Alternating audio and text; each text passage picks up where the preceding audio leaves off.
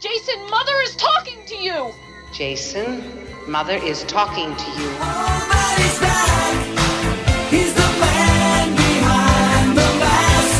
Friday the 13th, part 2. Friday the 13th, part 6. Jason lives. Hallo en welkom bij Julius versus Jasper, de podcast waarin wij elke aflevering twee films tegenover elkaar zetten en bedenken van als er nou eentje zou moeten verdwijnen, welke zou dan moeten blijven. Eh, mijn naam is Julius Koetsier. Eh, heel ergens anders zit Jasper ten Hoor. Hallo. Hallo. En eh, ja, vandaag gaan we het hebben over, over ja, een serie waar we het al eerder over gehad hebben, Jasper. Klopt. De Friday the 13th serie, die we eerder tegen de Hellraiser films hebben afgezet. Waarbij ik Hellraiser verdedigde als de over het algemeen superieure serie. Waarmee ik vooral bedoelde dat de eerste twee Hellraisers goed zijn en, eh, en de Friday the 13th films niet echt. Ehm, ik heb me daar toen toch een beetje negatief uitgelaten over de Friday the 13th serie. En ik, ik dacht van ja, het zit me toch niet helemaal lekker, want ik ben wel fan. Ja, en het klopt nog. natuurlijk ook niet als je een hele serie bespreekt en je uiteindelijk toegeeft dat de eerste twee het beste zijn en de rest hoef je eigenlijk niet snel meer te zien. Dan is Hellraiser natuurlijk als serie helemaal niet veel beter dan Friday the 13th. Nou, het was meer dat als je alles bij elkaar optelt en je maakt een soort percentage van hoe goed die films zijn, dan kom je denk ik ongeveer gelijk. Want de eerste twee Hellraisers zijn wel echt goed. En eh, dat geldt volgens mij niet voor, eh, eh, voor Friday the 13th films. Nee, en toch, en dat zal je ongetwijfeld wel een beetje met me eens zijn, Friday the 13th is wel als serie een serie die lekker is om erbij te pakken. Dat je snel daarvan één van de films, maakt niet uit welke, één van de twaalf erbij pakt. Ja, nou ja, een van de eerste acht zou ik dan zeggen. Maar dat is. Of daar de, de, de remake eh, kan ook nog wel. Hoewel dat, ja, ik weet niet. Eh, ik, voor mij zijn echt wel die eerste acht een beetje waar het om gaat, of eerste zeven. Meer En dat is toch al een hoog pe- hoger percentage dan dat je zegt, goh, ik heb toch zo'n zin in Hellraiser, Deader. Ja, nee, tuurlijk. Dat is, maar ja, nou goed, dan gaan we dezelfde. Dan moeten mensen maar naar die, die podcast luisteren. Ehm, kijk, de Friday the 13th films eh, waren voor mij een beetje. eh, ja, het begin van mijn. stonden aan het begin van mijn eh, horrorliefde. En heel veel van mijn ontwaking als cinefiel is begonnen bij de Friday the 13th films. Waarvan ik nu zie dat ze allemaal niet, niet de beste films ooit zijn natuurlijk. Het is ook zeker, er zit geen één Friday the 13th in die hele reeks die in de buurt komt van Halloween. Maar als serie vind ik hem wel leuker dan de Halloween-serie. Daar ben ik het ook mee eens. Ehm, ja, en nou ja, mijn favoriete deel op dit moment is deel 2. Ja. Eh, en eh, een van de delen die vaak als favoriet wordt genoemd is deel 6, Jason Lives. Ja, maar de, de, de film die het meest naar voren komt, en dat zie je in heel veel toplijsten. En wij hebben ook een tijdje geleden in het blad een, een ranking gehad van alle films. Eh, en de meeste mensen komen toch vaak uit op deel 4 als favoriet. De final chapter. Ja. Ja, dat, en dat, die staat ook wel hoog bij mij, de final chapter. En ehm, ja, de, de film van Joseph Zito. Het is eigenlijk een van de best gemaakte in de reeks. Misschien wel de best gemaakte. Ehm, Joseph Zito is, is een, een soort, soort bargain bin John Carpenter. Hij heeft eh, ook een paar eh, Chuck Norris films gemaakt. En een andere slasher, The Prowler. Eh, ook met eh, effecten van Tom Savini. Ook heel leuk. Dus die Zito, die, die kon er wel wat van. Ja, maar wij hebben voor deze podcast ook voor gekozen om nou ja, onze favorieten maar eens tegenover elkaar te zetten. Waar bij jou dus deel 2. En mijn favoriet van Adele serie is toch wel Jason Lives, deel 6. Ja, Dus dan gaan we die eens tegen elkaar gooien. Om te kijken of we daaruit kunnen komen welke nou eigenlijk het beste of het leukste is. ja god zeg, ja. En ik zal ook al meteen toegeven dat ik deel 2 ook wel wat hoog in de lijst zit. hè. Die staat mij wel ergens bovenaan wat betreft een van de betere.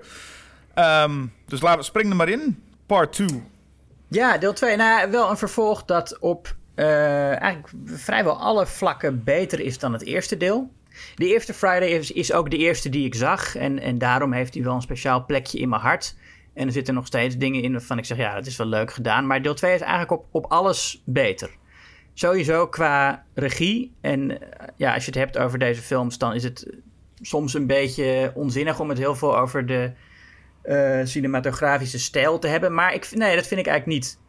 Ik zeg dat nou, maar dat vind ik eigenlijk niet. Want het is in deel 2 wel degelijk merkbaar dat er meer aan, aan stijl gedacht en gedaan wordt dan in de eerdere films. Dat zie je meteen al in de openingsscène. Waarin ook al gespeeld wordt met het idee van een point-of-view shot. Want we zitten dan bij Alice, de heldin uit de vorige film, of althans de Final Girl. Die eh, Mrs. Voorhees verslagen heeft eh, en onthoofd heeft. En dan zit zij in, eh, in haar huis en dan is er een hele lange, eh, een long take, die best wel lang doorgaat. Die gefilmd is alsof het een point-of-view shot is waarin zij bespioneerd wordt. En dan op een gegeven moment gaat ze douchen en dan zie je zo die camera dichter bij de douche komen. En dan rukt ze dat douchegordijn open en kijkt ze recht in de camera. En dat is al meteen een stukje film dat volgens mij met meer aandacht voor stijl is gemaakt dan 90% van wat je in de Friday-serie ziet. Ja, want het is wel goed om. je- Er zit inderdaad heel veel verschil in de verschillende films. Terwijl er natuurlijk heel vaak van de serie wordt gezegd. Ja, die Friday 13 is allemaal één, één pot nat. Eh, ik moet zelf zeggen, toen ik de films voor het eerst zag, eh, vond ik de eerste vier, waar heel veel kwaliteitsverschil eigenlijk in zit als ik ze nu terugkijk, had ik altijd een beetje, ja, eh, het is allemaal volgens mij een beetje hetzelfde. En zeker 2 en 3 kon ik eigenlijk ook nooit, toevallig allebei door Steve Miner geregisseerd, had ik altijd zoiets van, ja, die, die zijn toch allemaal het enige verschil is het hockeymasker. Maar nu terugkijkend zie ik wel echt duidelijk verschil in kwaliteit ook.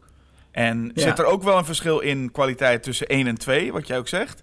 Maar het is alsnog wel een sequel die qua sfeer, toon, maar ook de gebeurtenissen en personages wel heel dicht bij de eerste film ligt. Ja, En dat geeft natuurlijk te maken met terugkeer van zowel eh, mensen achter de schermen als voor de schermen. Ehm, maar op heel veel vlakken is het wel duidelijk een sequel die in één. eh, die, die, ja, die qua toon ook wel heel dicht bij de eerste film ligt. Ja, wie wel gemist wordt trouwens is Tom Savini. Die, eh, die wilde niet terugkomen voor deel 2, omdat hij, hij vond het ongeloofwaardig dat Jason opeens weer zou leven. Dat zei hij. En hij ging toen aan The Burning werken. Een, een, een- slasher, ook een jaren 80 slasher die heel veel lijkt op deze film. Toevallig, ze kwamen allebei uit in mei 1981. Dus het is niet waarschijnlijk dat er veel, eh, dat het een rip-off is of zo. Of ze moeten het script eh, gelezen hebben. Maar in beide films zit dus een scène waarin een groep tieners rond het kampvuur zit en een soort legende vertelt. Die dan eindigt met dat er iemand uit eh, de bossen springt die ze allemaal laat schrikken en het is dan een grapje. En in beide zit een scène waarin een meisje s'avonds laat naakt in een meer gaat zwemmen en haar kleren gestolen worden. Ja, en je ziet ook dat dat soort elementen zijn ook echt een beetje de clichés. In hoeveel films ze ook eventueel zijn. Maar in, in, in, de clichés van als je het hebt over zo'n typische slasher. Dan hebben mensen het vaak over het kampvuur met de tieners. En, en, en Ja. een, een, een jokester, iemand die grappen uithaalt en mensen laat schrikken. Het, het skinny dippen. Ja, ja. En, en trouwens, The Burning is niet alleen een van de eerste films die geproduceerd is door Harvey Weinstein, maar ook deels door hem geschreven. Wat eh, een aantal van die eh, erotisch bedoelde scènes toch een beetje een nare bijsmaak eh, geeft. Zeker omdat de mannelijke personages de vrouwen ook op een Weinsteineske manier benaderen. Ai. Ja, dus die is, is nog, toch, ja, het is een leuke film, maar je zit toch een beetje van, hè, Harvey. Ja. Nou, en het, wa- het, het is wel grappig, wat je noemde net de openingsscène. Een deel van de openingsscène is natuurlijk om Alice even terug te krijgen. En er was een heel gedoe over dat Alice, eh, de actrice, werd na, eh, na de opnames van deel 1 eh gestalkt. En was dus niet zo heel blij daarmee. En wilde ook niet, had er niet zo heel veel zin in. Maar werd toen wel gevraagd om nog terug te keren. En dan is het altijd wel een beetje geestig of zo. Dat ze dan een scène krijgt waarin ze eigenlijk gestalkt wordt. Ja, ja, een beetje wrang ook, ja. Beetje wrang inderdaad. Maar ehm, deels is, de, is die scène natuurlijk onnodig. Want deze scène is om eigenlijk mensen te laten zien. Zoals de Rocky-films deden dat ook altijd. En heel veel films eigenlijk in die tijd. Van even nog laten zien wat gebeurde er ook alweer. En dan krijg je dus ook echt wel een vrij lange intro met de eindscène van deel 1 nog een keer te zien. Ja, een, een recap. Als, en, en, het is een, en zij droomt ervan. Dus het is een recap. Het is een droom als recap. En die droom is inderdaad gewoon precies zo in beeld gebracht als, als wij de film hebben gezien. Wat, wel, ja, wat die scène wel misschien leuk maakt, is dat het meteen eh, het verschil laat zien tussen Friday the 13th en de Halloween-serie. Want moet je je voorstellen dat Halloween 2 was begonnen met meteen Jamie Lee Curtis afslachten ze zeggen wel even van, nou, wij zijn een wat eh, hardere, eh, hardere slashers. Hoewel natuurlijk Halloween 2 nog niet uit was toen deze uitkwam. Maar zij was, ja, zij was in, in deel 1 eigenlijk de final girl, maar niet echt om, maar niet per se of zo. Iemand anders had het ook kunnen zijn. Zij was in deel 2 niet het meest eh, boeiende personage. Ook niet het meest kuise personage trouwens. Dat wordt nog wel gezegd dat het altijd de, de kuise meisjes zijn. Dat is in, in de eerste twee Friday the 13th films niet zo. Alice speelt gewoon eh strip Monopoly. Eh, hoe je dat ook speelt. En, en in, ook, in, ook in deel 2 is de heldin niet eh, maagdelijk of zo. Nee, maar ik heb wel het gevoel, je kunt natuurlijk wel het, het, het, het Psycho of, of, of ook Scream moment van... Hè, we hebben de grote naam waarvan iedereen denkt... eh, oh, die zal de hele film wel eh, overleven en die wordt dan afgemaakt... om even aan te geven, kijk, alles kan gebeuren. Eh, dat, dat werkt hier natuurlijk een stuk minder, mede door... Kijk, ze is geen Jamie Lee Curtis. Ik kan me best voorstellen dat ze die scène van deel 1 er ook ingedaan hebben. eh, omdat je er misschien heel, groot, heel lang denkt als kijker... Wie is dat ook alweer? Of eh, ken ik Ja. deze persoon? het is eh, niet, niet, niet per se lullig voor haar bedoeld... maar het is natuurlijk niet de meest memorabele rol... en ook niet dat je meteen nou denkt van... oeh, eh, zij zal wel de heldin zijn. Die, dat, die, die credits heeft ze, krijgt ze niet, denk ik. Nee, nee, natuurlijk niet. Nee, dus daarom, dat, nee, dat, is eigenlijk wat, wat ik vooral bedoel. Dat het is, anders dan Halloween is het niet een film met echt een duidelijke final girl. De eerste Friday the 13th. En deze heeft dat wel, de deel 2, maar die komt dan later in beeld. Ja, ik denk dat we dat, ik denk dat we dat element, dat je dat misschien nog wel meer hebt met Crazy Ralph die terugkomt. Dat iedereen daarvan denkt, hé, hey, daar heb je hem weer. Die gaat in elke film zitten. Ja. Die, die, die gek met zijn fietsje. En dat als ze die dan vermoorden, dan, eh, dat je dan denkt, oh, Hij is hier wel een stuk eh laconieker, moet ik zeggen. In de eerste film deed hij nog heel erg zijn best om die mensen constant eraan te herinneren dat ze weg moeten en dat ze doomed zijn. En hier is het gewoon, eh, ja, ik heb die anderen gewaarschuwd, maar ze wilden niet luisteren, maar jullie zijn ook verdoemd. Nou, doei. Nou, zijn be- zijn best is ook, wel een, is, is ook wel een groot woord. Ik bedoel, hij, volgens mij heeft hij heel lang stond hij in de voorraadkast in deel 1. Ja, om ze te laten schrikken. Om te laten zien, kijk eens hoe makkelijk het is om hier te schrikken. ja, nou had het natuurlijk nog gekund bij, eh, bij Crazy Ralph. Dat was in de eerste film ook zo. In de eerste film is toch een beetje opgebouwd als een Who Done It.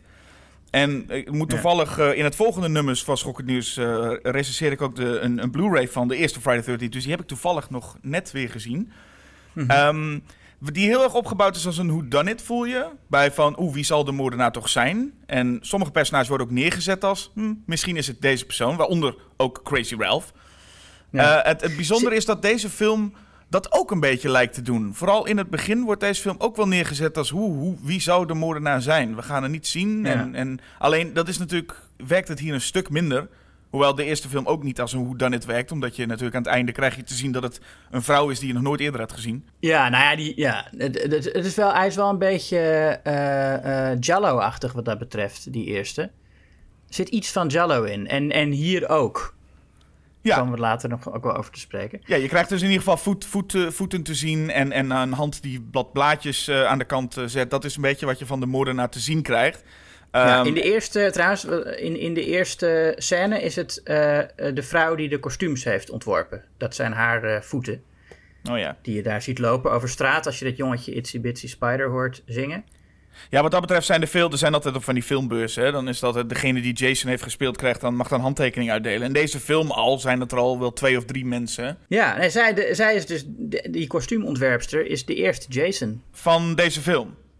Ja, er zit, er zit natuurlijk ook een Jason aan het einde van deel 1. Ja, die wordt heel erg gezien, dat is een kleine jongetje, die wordt heel erg gezien als de eerste Jason, die natuurlijk even opduikt in het... eh, Maar goed, eh, in deze film zit ook een hele duidelijke eh, Jason met masker. Jason zonder masker zijn ook weer twee totaal verschillende figuren. En ik gok dat elke hand die je een keer ziet van Jason, dat zal wel de assistent die het dichtst in de buurt stond op dat moment zijn. Maar laten we even heel even over, heel even over Jason hebben meteen. Ja, nou ja, om, om te beginnen met, met de moord op Alice, van daar zijn we nog niet helemaal mee klaar. Nee.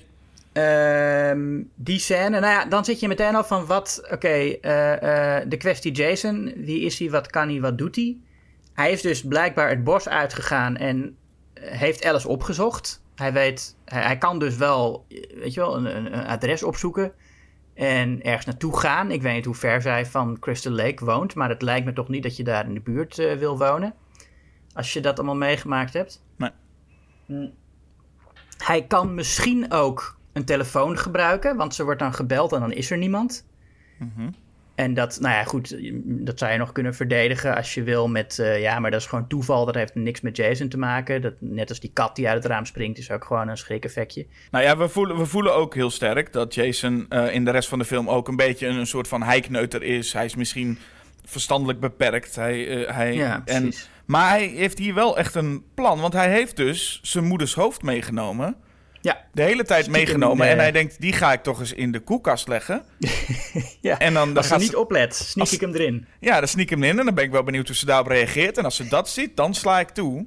Eh, dood, dood ik haar. En, en is hij ook nog wel zo netjes om even de waterkoker van het vuur af te doen. Want ja, zo is hij dan Ja, die zit te fluiten. Ja, Ja, maar maar het is... hij wil niet eh, dat de boel eh, in, aanbrandt of zo. Nee, aanbrandt, water, water brandt niet aan, maar goed. Nee, precies. Maar goed, hij, is wel, hij, is, hij, hij denkt wel mee. Maar de vraag is ook een klein beetje daarvoor al. Leeft Jason dus nog? Hè, want hij eh, eh, is Mhm. natuurlijk verdronken. En Ja. eh, we mogen er volgens mij wel van uitgaan dat dus het, het, het schrikmoment aan het einde van deel 1... waarin hij als kleine jongen uit het water springt, dat is al een droom zijn. Want Ja. hij, het is totaal onlogisch dat hij daar een kleine jongen nog is. Want het is jaren geleden. Ja, Maar- nee, dat klopt. Dat is... eh, De vraag is een beetje, en daar is de film niet per se duidelijk over, of hij nu een soort van zombie al is. Wat hij natuurlijk later in de serie gewoon echt letterlijk wordt. Maar of dat hij gewoon echt gewoon het overleefd had. Alleen zijn moeder maar niet heeft benaderd. Wat natuurlijk alles had kunnen voorkomen als hij gewoon tegen zijn moeder zei: Yo, eh, ik, ik ben er nog. Nee, volgens mij is de film wel duidelijk dat hij het overleefd heeft. Want anders zou hij ook niet ouder zijn geworden. En nee, dat, dat, dat, dat, is wel, dat zegt de film gewoon, dat hij het overleefd heeft. Maar dat hij, ik denk wat er gebeurd is, is dat hij inderdaad eh, eh, een tijd onder water was en niet gevonden werd. En dat hij bang was en het bos in is gevlucht. En daar vermist is geraakt en eh, gewoon een beetje in paniek en nooit zijn moeder heeft, eh, heeft teruggevonden en zij hem ook niet. Maar toch zeggen ze volgens mij in deze film dat hij zijn moeder. Hij zag hoe zijn moeder onthoofd werd. Ja, dan heeft hij er net, dan zag hij er net. eh, ja, nee, maar dat, dat zegt Ginny. Maar dat, dat, is natuurlijk, dat weten ze helemaal niet. Ze hebben geen enkele manier om dat te weten. Nee. Nee, dat, dat is waar. Maar hij heeft in ieder geval haar hoofd wel gevonden. Dat is het enige wat feitelijk is. Hij heeft dus, dat kan Ja. ook na die tijd zijn geweest dat hij dat vond. Ehm, maar dan Ja. heeft hij wel wat speurwerk moeten doen om te kijken wie heeft dat nou gedaan. Nee, hij weet ook dat Alice het heeft gedaan. Ja, nee, hij weet dat. Ja, dat weet hij Maar ook. goed, dus een heleboel eh, eh, vra- vragen die worden gesteld. Maar dat is allemaal voor die openingsscène die iets van 10 minuten duurt. Dus je hebt de eerste 10 minuten. En de film duurt maar 80 minuten. Hè. Het is, een, het is een, nee, geen Ja. lange film. Maar die, die openingsscène is grotendeels eh, toch... Ja, nou ja, ik, ik zelf heb er niet zoveel mee. Het is allemaal een beetje, een beetje traag.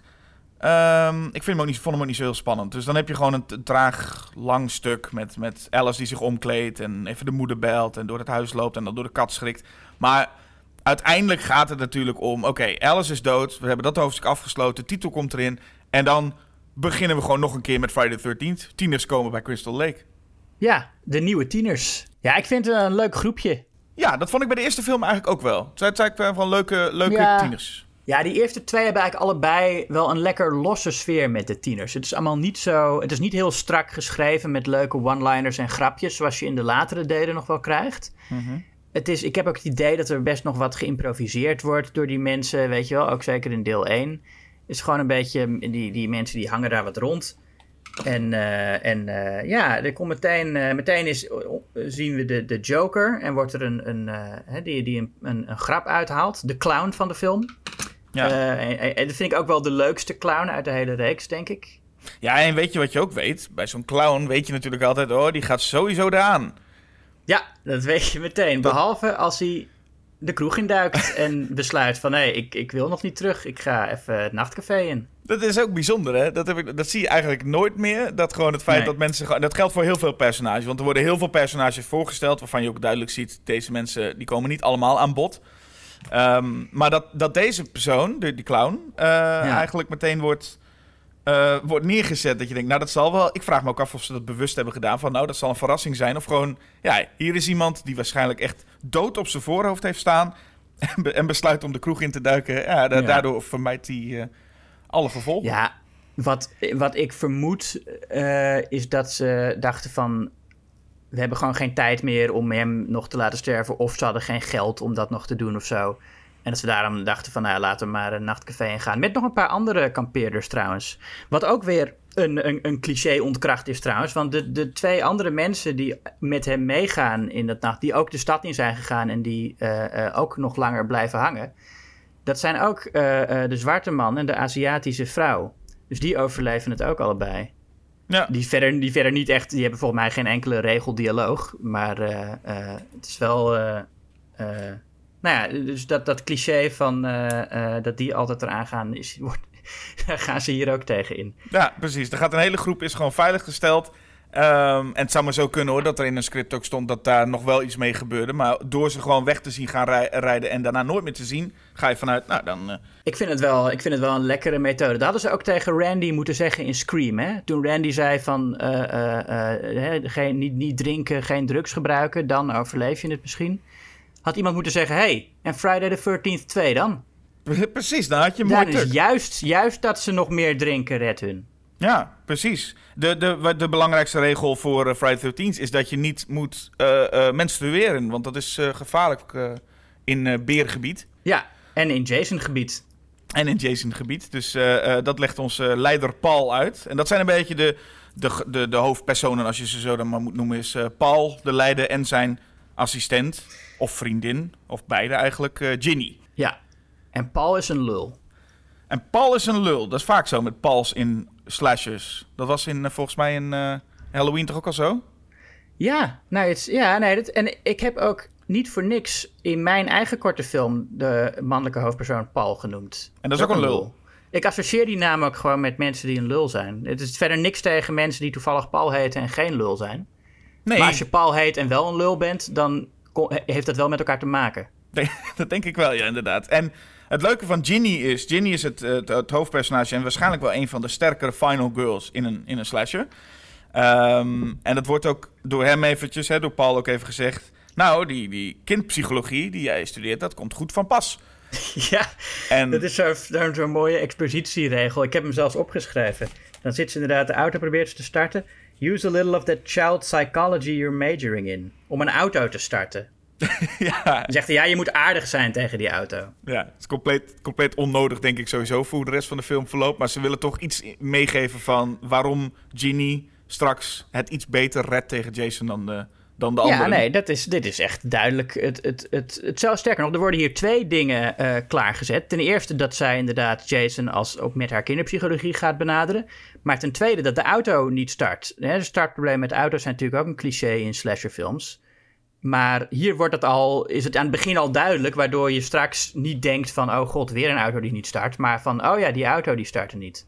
Ja, en zo zie je haar even later ook even aan het werk met een kettingzaag. Ook even duidelijk om wel dingen Ja. eh, te introduceren, dat je weet van, dat gaat nog terugkomen. Oh ja, nog even over eh, iets anders. De, eh, over die beren. Die, je noemde net al even die beren. Ja, Er zitten dus gewoon beren in, in de buurt van Crystal Lake. Dit is niet hetzelfde kamp als, als Camp Blood, maar eh, wel eh, aan hetzelfde meer. Toch? ja. je, kunt, je kunt er naartoe lopen. Dat mag Ja. niet van de politie, maar je kunt het wel doen. Maar, ja, nee, precies. En ehm, daar zitten dus beren. En dan zegt Paul van ja, je moet niet eh, etensresten laten slingeren. Eh, en je moet niet, eh, eh, eh, wat, je, moet, je moet vaak je kleren verwisselen. En als je menstrueert, moet je zorgen dat je schoon blijft. En dan zie je twee meisjes elkaar aantikken van... hé, hey, menstrueren, ja, eh, kun jij wel. en, eh, en, en niet... eh, nee, maar dan denk je dus van ja, maar dus, eh, als, je al, als het al geen etensresten laten slingeren en zo... hoe ga je dan in die buurt een kamp met kinderen organiseren? Als er beren zitten. Ja, je vraagt je af of Jason wel het grootste probleem is, eh, logistiek gezien. Want ik denk dat die plek inderdaad sowieso niet zo heel prettig is dan. Nee. We weten natuurlijk niet of... We weten natuurlijk niet, hè. We, we- ook dit horen we alleen maar van Paul. Misschien lult die lul ook maar gewoon. Want. Ja, dat zou eh, kunnen. We hebben nog geen Friday the 13th gehad waarin Jason ooit met een beer vecht. En dat, eh, zolang dat nog niet gebeurd is, eh, twijfel ik aan zijn verhaal. Ja, dat is een gemis. Ja, dat zou ik nog wel eens een keertje willen zien. Maar nee, Jason is natuurlijk druk zat met, met in ieder geval Crazy Ralph vermoorden. Arme Crazy Ralph, wel. Die als Ja. eerste eraan gaat. En Ehm, dat doet Jason met een, met een goocheltrucje eigenlijk, hè? Ja, of hij stond al heel lang boven zijn hoofd met, die, met, dat, met dat touwtje. Of Ja, daar Ralph te wachten. staat zeg maar met zijn rug tegen een boom en dan komt er opeens een, een, een, een, eh, een, een, een stuk prikkeldraad, is het geloof ik. Ja, Waarmee, er komt van boven die boom en, dan, en het gaat om zijn nek en dan staat Jason achter die boom. Ja, en jij Ja. benoemde net ook al dat nou, Tom Savini dus ontbreekt uit de eh, groep. Ik vind sowieso, en dat heeft natuurlijk ongetwijfeld deels ook met de censuur te maken. Eh, maar de, de moordpartijen zijn ook, hadden wel wat memorabeler gemogen. Er zijn er wel een paar. En die zijn veelal rechtstreeks gekopieerd uit eh, Bay of Blood. Film van Ja. Mario Bava. Maar, en, Ja, en- dat, is weer, dat is ook weer de Jello-connectie. ja, maar het is wel zo dat zeker als ik naar Crazy Ralph kijk, denk ik, ah, zijn dood had echt wel iets memorabeler gemogen dan dit. Vind ik een beetje, vind dat vind ik nog misschien wel sneuwer voor hem dan dat hij er, eh, dan dat hij Oh, er ik überhaupt aan gaat. het, ik vond het wel memorabel hoor. Ja? Ik vind dat wel een van de. Ja, dat hij zo dat ding om zijn nek krijgt, ja. Hm, ik had, verwacht het ook niet, omdat het niet kan. nee, oké, maar ik, ik, ik, dacht wel van, nou, Crazy Ralph verdiende denk ik nog wel iets, iets beters. Ja, nee, kijk, er zit, er zit natuurlijk niks in dat zo goed is als eh, Kevin Bacon in de eerste film bijvoorbeeld. Weet je wel, die gewoon die, die, die speer door zijn nek. En zo goed zijn de effecten ook eh, niet Nee, nee als in klopt. die film. Nee. Nee, maar er zijn inderdaad een paar. Nou, laten we even, even een paar doorlopen. Want eigenlijk is dat gewoon waar de rest van de film eh, over gaat, toch? Eh, kinderen die gaan, eh, die, gaan, die gaan eraan. Waarvan er nog een twijfel is of, of Jason zelfs een hondje gaat vermoorden. Het kleine, Ja. kleine hondje Muffin. Ja. Ehm, Maar hij, nee, hij gaat vooral dus op de, op de mensen. Hij, hij gaat een beetje op geile tieners, zullen we maar zeggen. En dat is wel wat in deze film gebeurt. Er zitten wel een paar tieners in die, nou ja, behoorlijk de hormonen in de keel hebben zitten. En vooral Ja. dat meisje, die is echt op dat, die jongen in de rolstoel. Nou, Ja. dat, meisje, ik weet niet hoeveel hintjes ze moet geven. Ik moest een beetje terugdenken aan die podcast die we maakten over Starship Troopers. Daar zat ook dat eh, personage in dat aan elke zin en elke mimiek uitstraalt. Ik ben zo botergeil. En dat doet dit meisje ook. En die jongen in die rolstoel, die lijkt ook gewoon totaal niet te snappen. Of, of, of helemaal niet geïnteresseerd te zijn. Nou, ik, ik- hij is voor mij wel geïnteresseerd, maar hij, hij is gewoon een beetje. eh, eh, eh, een beetje. Ja, ik weet niet. Ik, ik, ik mag ze allebei wel. Oh, Ik jawel. vind, ze- ik vind hun echt leuk. Nee, die jongen die, die, die, die wil ook wel, maar die, snap, die is gewoon niet zo goed in hints oppakken of zo. Of hij, of hij speelt hard to get. Maar zijn, ik moet wel zeggen, het zijn wel een beetje rare dingen die ze tegen elkaar zeggen. Want ze gaan dan een spelletje spelen op, op, een, op een computertje, een soort, ja, wat is het, een soort voorloper van de Game Boy. En dan zegt, eh, zegt hij eh voetbal or hockey. En dan zegt zij the one with the puck. Ja. En, maar, en dat zegt ze alsof pak een soort dubbele betekenis heeft. Maar een puck, dat is toch niks? Het is ook geen vallensymbool. Het is gewoon een schijfje. Ja. Als ze nou had gezegd the one with the stick... dan had je nog kunnen zeggen... oké, een hockeystick is een beetje een pik. Maar... Ja. Nou ja, maar dan zegt eh, the one with the puck... en dan zegt hij hockey... en dan zegt zij... is that what you call it? Ja. En dan, ja, ja dat, dat is ook. eh, eh, maar en dan, eh, what do you want to play for? En dan zegt ze position. ja. Nou, dat is wel een, een soort double entendre. Maar ja, toch een raar, raar gesprek vind ik het. Maar de inten- haar intenties zijn duidelijk. Uh, aan het inzet ook. Ja, volgens mij is het ook het. Of is, is het een ander meisje? Weet ik niet meer precies. Er is een meisje die heel geil is en besluit om dan maar even zich om te kleden en dan een bruine onderbroek aandoet. nee, nee, dat is zij. Ja, dat is zij. En, een beetje, en een beetje parfum op de kut. ja. Wat, en dat is trouwens wel iets dat je niet moet doen, hè? Ik bedoel, eh, eh, als, als, er, als, er, als er vrouwelijke luisteraars zijn die denken... oh, eh, parfum op de kut, dat, is, dat, kan, dat moet ik ook doen. Dat is, als je, ja, als je, als je gebeft wil worden, is dat natuurlijk niet de bedoeling... Dat, dat die gast opeens over zijn nek gaat van, van die parfum. Nee, voor beren zou het misschien wel goed zijn. Ja, Nee, maar nee, de- nee, goed, zij is. eh, eh, eh, en die jongen van de rolstoel, mochten mensen nog denken van hé, hè, jongen in de rolstoel, daar zal wel niks, die zal wel niks overkomen. Die krijgt wel een van de meest memorabele moorden. Al is het alleen niet, niet de moord aan zich. Hij krijgt een eh, machete in zijn gezicht. Eh, vergelijkbaar met eh, een, eh, een betere scène uit Bay of Blood, waarin dat dus gebeurt. Waar iemand een volle machete in zijn gezicht krijgt. Maar het feit dat hij vervolgens achterover een hele lange trap afgaat met zijn rolstoel. Met Dat mes nog in zijn gezicht. met dat mes nog in zijn gezicht, dat maakt het. eh, dat maakt die, de- dat wel eh, memorabel eigenlijk. Ja, een van, vind ik een van de beste kills ook inderdaad. En, en die tocht van die trap en ook hoe dat gefilmd is. En dat het dan eh eh eh, fade-out naar wit. Het geeft het Ja. ook, geeft het ook iets, iets, iets transcendentaals of zo. Dat is wel, ja, er zit wel aandacht in. Ja. Maar ik denk dat het meest memorabel voor veel mensen, hoewel dit er letterlijk uit Bay of Blood dus komt, is het vrij in de stijl waar de spies recht door hen beiden heen gaat, een speer. Ja. Ehm, en die is nu wel zodanig geknipt dat het waarschijnlijk door de sensoren, want je ziet op de achterkant van de, van de video, was echt dat, dat is ook wel altijd grappig. Hè? Je hebt de achterkant van de videoband die gewoon in de videotheek lag. daar zag je het volledig in beeld. Daar zag je de twee met een, eh, een speer door hen beiden heen. Maar dat ontbreekt Ja. volledig in de echte film. Dat ze denken, nee, daar moeten mensen niet... Mensen die het gehuurd hebben en de film kijken, mogen het niet zien. Maar iedereen die in de videotheek zou lopen... die kunnen best dat plaatje wel zien. Weet je waarom? dat is natuurlijk het verschil tussen. eh, Hè, de- kijk, die, de MPAA gaat over wat er in de film terechtkomt, niet over wat er op de videohoes eh terechtkomt. Nee, daarom zie je ook heel vaak wel eh, deleted scenes eigenlijk op de videobox die eruit geknipt zijn. Zodat je toch Ja. maar even, dat ze toch nog maar even kunnen showen met die bepaalde effecten. Ja, en wat mensen tegenwoordig vaak niet weten, is dat alle foto's die je op ouderwetse video- en, en DVD-hoezen ziet staan van oude films, dat zijn geen screenshots, dat zijn foto's die op de set genomen zijn. Hm. Dus daarom kan je ook dingen die niet in de film zitten wel op de hoes zetten. Ja, precies. Nou, en, en eh, Jason gaat nog een beetje zo, eh, zo tekeer. En we kennen nu inmiddels, en daar zullen we het over Jason Lives natuurlijk ook over hebben. Jason wordt steeds oppermachtiger. Op een gegeven moment werd hij gespeeld door Kane Hodder, een, een man van 2 bij 2. Ehm, en hier, eh, maar hier is hij nog gewoon een, een normale vent eigenlijk. En dat zie je ook als, Ja. als Paul op een gegeven moment met hem gaat vechten. Eh, dan zie je ook gewoon wel dat hij echt gewoon met, dat hij gewoon met een, een soortgelijk iemand aan het, aan het stoeien is eigenlijk. Ja, en, en zelfs Ginny kan hem nog aardig de baas met een knietje. Die geeft gewoon, heeft ze, heeft ze de hooivork laten liggen die hij eh, op, de, op de auto heeft gebruikt. Maar dan zit ze wel, dan verstopt ze zich achter een boom en dan komt hij eraan gerend en dan krijgt hij hop een knietje. En dan is hij wel echt, eh, dan, dan valt hij neer. Ja, dat doet wel zeer. Maar dat doet me een beetje weer denken aan, aan, aan wat ze in Scream natuurlijk weer gedaan hebben. Daar dat is de overtreffende trap weliswaar van, eh, van de, de moordenaar die toch wel eh, kan vallen. Ja. Ehm, Het wordt er een beetje stuntelig soms van. Jason is volgens mij ook wel een beetje een stuntel. En, eh, en dat is vooral als, Ja. hij, als, hij, als Ginny onder dat bed ligt. Ehm, en ze moet dan plassen. Dus dat, Omdat dat- ze een rat ziet. Ja, Ja, dat denk- is niet, niet, niet per se om die rat, maar omdat ze bang is. En die rat, die, die voegt dat nog toe. eh. Die, die rat is het soort van, over de, dat is het soort van het, eh, nou, de druppel die de emmer doet overlopen, laten we maar zeggen. ja. Ehm, maar dan, eh, dat ze dan onder het bed vandaan komt en dat Jason dan op een krukje staat. Ik weet niet waarom, maar waarschijnlijk om te verbergen, zichzelf te verbergen, dat hij op een krukje nee, staat. dat, dat is Jason heeft wel. Hij denkt hier ook nog wat meer na. En in, in een andere film zou hij gewoon meteen eh, hè, zijn kapmes door dat bed heen jassen. Maar hier denkt hij van: oh, als ik hierop ga staan, dan ziet ze mijn voeten niet. En dan denkt ze dat ik vertrokken ben. En dan durft ze eruit te komen. En dan pak ik er. Ja, wat, wat verder niet per se. Dat voelt een beetje net als Jason die dus een, dat hoofd in de, in de koelkast doet. Het voelt een beetje als een Jason die dan bijna het geluid maakt van... Hoe, hoe, hoe, ik ga hier nou op dit krukje staan.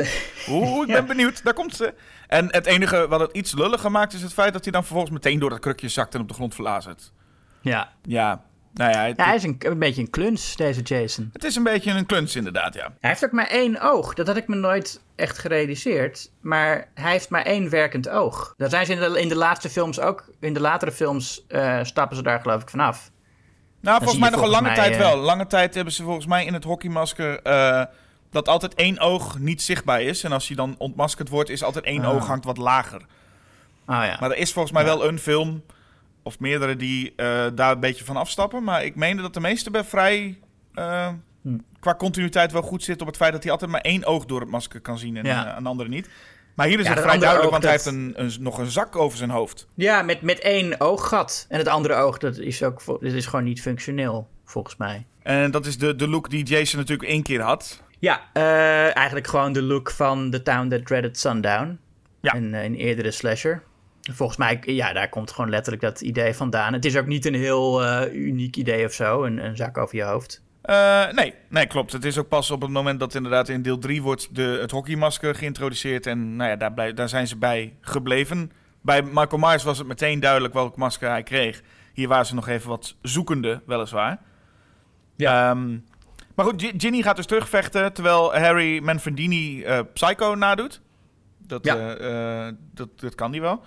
Ehm, ja, en dan krijg je het moment hè, waar de, de, de, de, de, de kindpsychologie erbij komt kijken. Ja, dan zit ze dus in, die, eh, in, in de hut van Jason. Ik, dat vind ik ook wel leuk. Dat Jason heeft hier gewoon een hutje in het bos waar hij woont. Ja, Ehm dat, zie, dat is echt, dan zie je meteen een inkijkje in zijn leven. Hij heeft wel een toilet daar. Dat, dus hij, eh, het moet een, hij heeft niet zelf dat hele hutje zitten bouwen. Want het zit, is gewoon aangesloten op eh, riolering.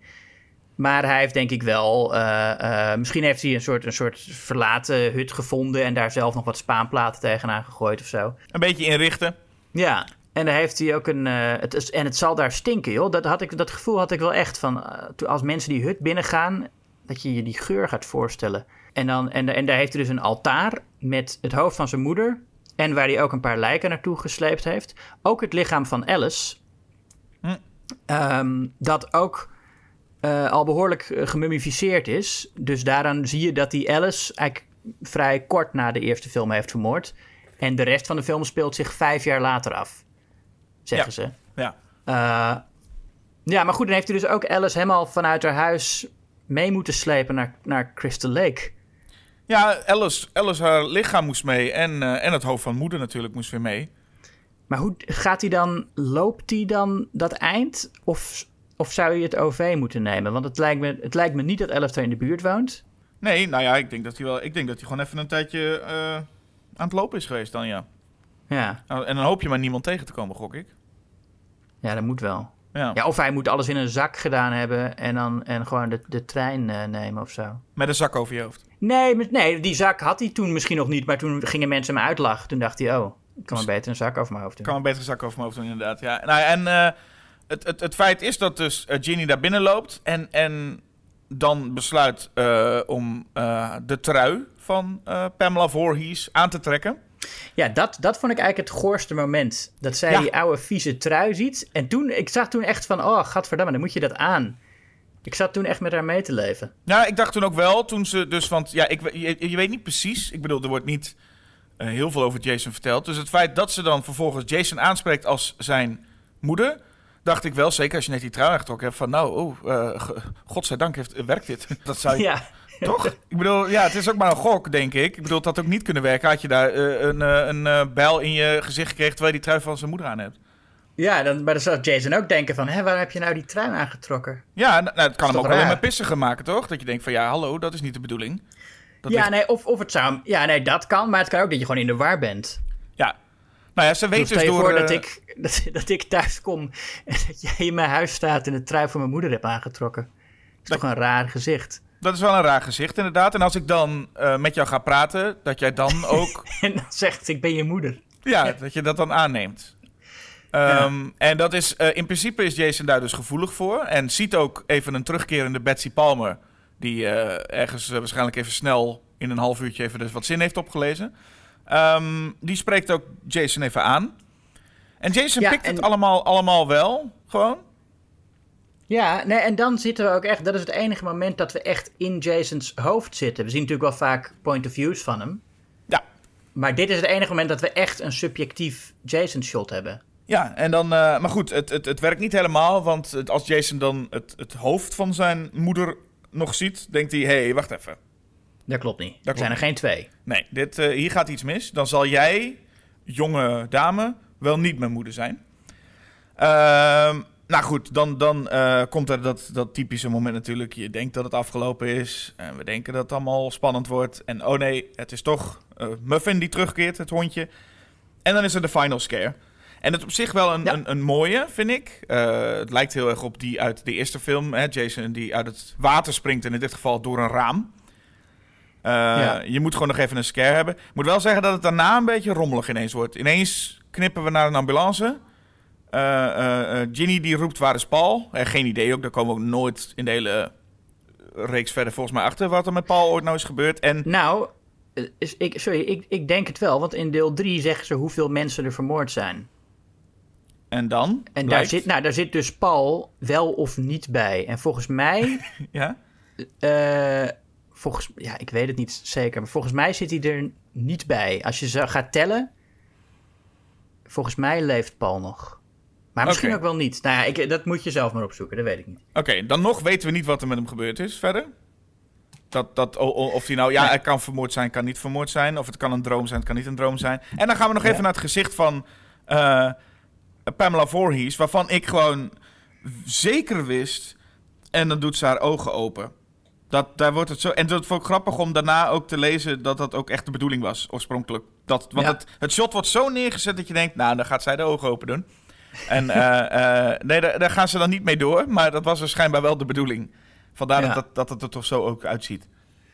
Ja, dat zou gek geweest zijn, hè? Ja, maar ik moet wel zeggen, dan denk je, nou, dat kun je ook maar beter niet doen. In deel 3 gaan ze toch door met dat idee. Steve Miner, die deel 3 eh, regisseerde, dacht aan het einde, ik wil toch nog weer een... ook weer zo'n scare hebben, dat alle drie de films eindigen met zo'n... Er is nog iemand en dan komt moeder, in, met inclusief trui, springt dan uit het water. Ja. Dus- Ja, dat is wel. Nou ja, dat is ook wel een mooie afronding van de trilogie, zeg maar. Nou ja, ik denk dat de final chapter meer een afronding is. Maar akkoord. Ja, Ja, van, ja, maar dat is dan weer. Ja. ze willen daar nog een soort van... Nou ja, je moet gewoon even een scare ge- hebben. En dat hebben ze in dit, Ja. geval, eh, in dit geval ook. Dat we nog even Jason verminkte gezicht ook kunnen zien. Ja, ja want eh, zo eerder heeft ze, de, heeft ze de, die, die, die zak van zijn hoofd getrokken en dan schrikt ze heel erg. Maar dan, dan zien we het nog niet hoe die eruit ziet. En aan het einde mogen we dat wel zien. En dan heeft hij eh, ja, lang haar. Wat hij in eh, deel 3 niet meer heeft. Nee. En ik zit eigenlijk te denken, in deel 3 wordt de naam Jason ook niet gezegd. En hoeft het eigenlijk ook helemaal niet Jason te zijn. Weet je wel, ik bedoel, het is gewoon een man die in het bos zit. Het is helemaal niet gezegd dat dat dan per se Jason Voorhees is. Van deel 3 niet, van deel 2 wel. Nee. Ja, in deel, ja, in deel 2 is het wel duidelijk, omdat, omdat je weet dat hij zijn moeder ziet. Maar in deel 3 weet je dat eigenlijk helemaal niet. Of wel? Of heeft hij daar ook nog dat hoofd van zijn moeder? Mm, dat kan me zo even niet meer herinneren. Nou ja. Hoewel, ik, ik, het is natuurlijk wel weer zo, als je dat wil redconnen, dan krijg je natuurlijk wel dat in deel 4 is het wel weer echt Jason. En, Ja, dat en, wel, ja. En, en daar heeft hij dan ook een... Dus nee, nou goed, het, het, het, het hoort volgens mij wel Jason te zijn. Ja, nee, natuurlijk hoort het Jason te zijn. Dat, dat, is, dat is zeker. Maar Nou, dat geldt niet voor elke Friday the 13th, dat het Jason hoort te zijn. Nee, want, dat eh, is waar. Steve Miner de- maakte deel 3. Daarna de final chapter.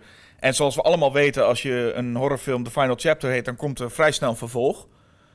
Ehm, Dat is ook wel geestig. Hè? Ik, de laatste tijd zie je heel veel films die een kleine stinger hebben, zo'n after credit scene of iets dergelijks, dat ze een vervolg willen. En de meeste van die films krijgen geen vervolg, waardoor ze nu een heel stom einde eigenlijk hebben.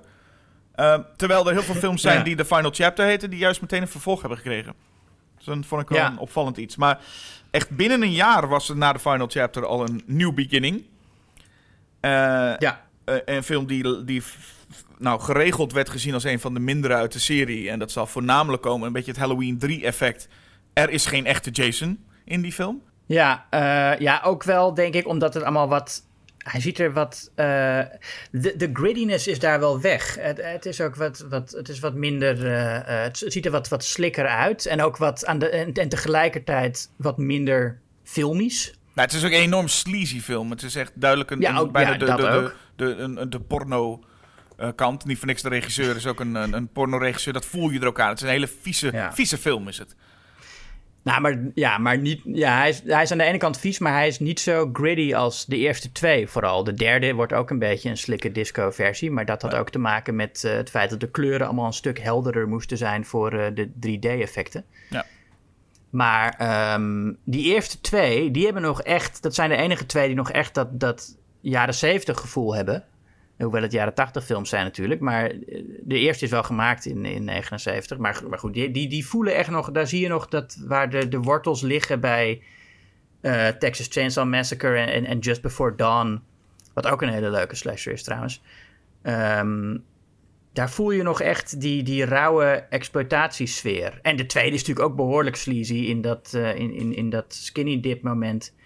Waar Terry heet ze, die de hele film al rondloopt in, eh, in weinig verhullende outfits. Besluit midden in de nacht in er eentje even dat, eh, dat meer in te duiken.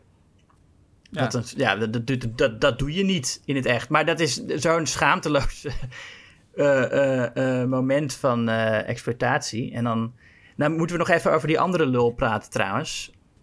Die, die eerder haar met een katapult heeft beschoten. En dan heel trots ook die katapult laat zien.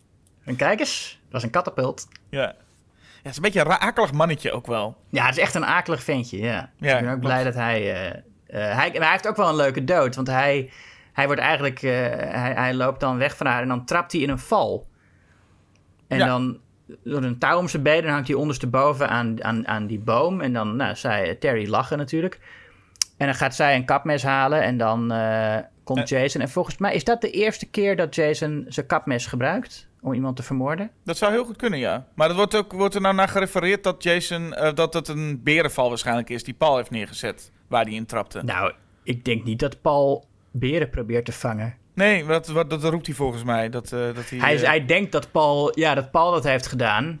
Ja, van wie zou het anders gedaan kunnen hebben? Maar ik denk, ik denk niet dat Paul. Want je, hoe zou je nou. Wat, wat moet je met een beer die ondersteboven. Dat, dat touw is volgens mij ook helemaal niet sterk genoeg om een complete beer de lucht in te slingeren. Nee, zou, zou inderdaad ook niet. Maar het is meer een val voor een, voor een hert of misschien een konijn. Ik weet niet wat je daar normaal gesproken mee vangt. Nou, ik vond het in ieder geval wel. Ik vond het idee geestig dat Jason aankomt, zou komen lopen. En als het niet zijn val is, dat hij denkt: jee, het wordt me wel echt makkelijk gemaakt zo.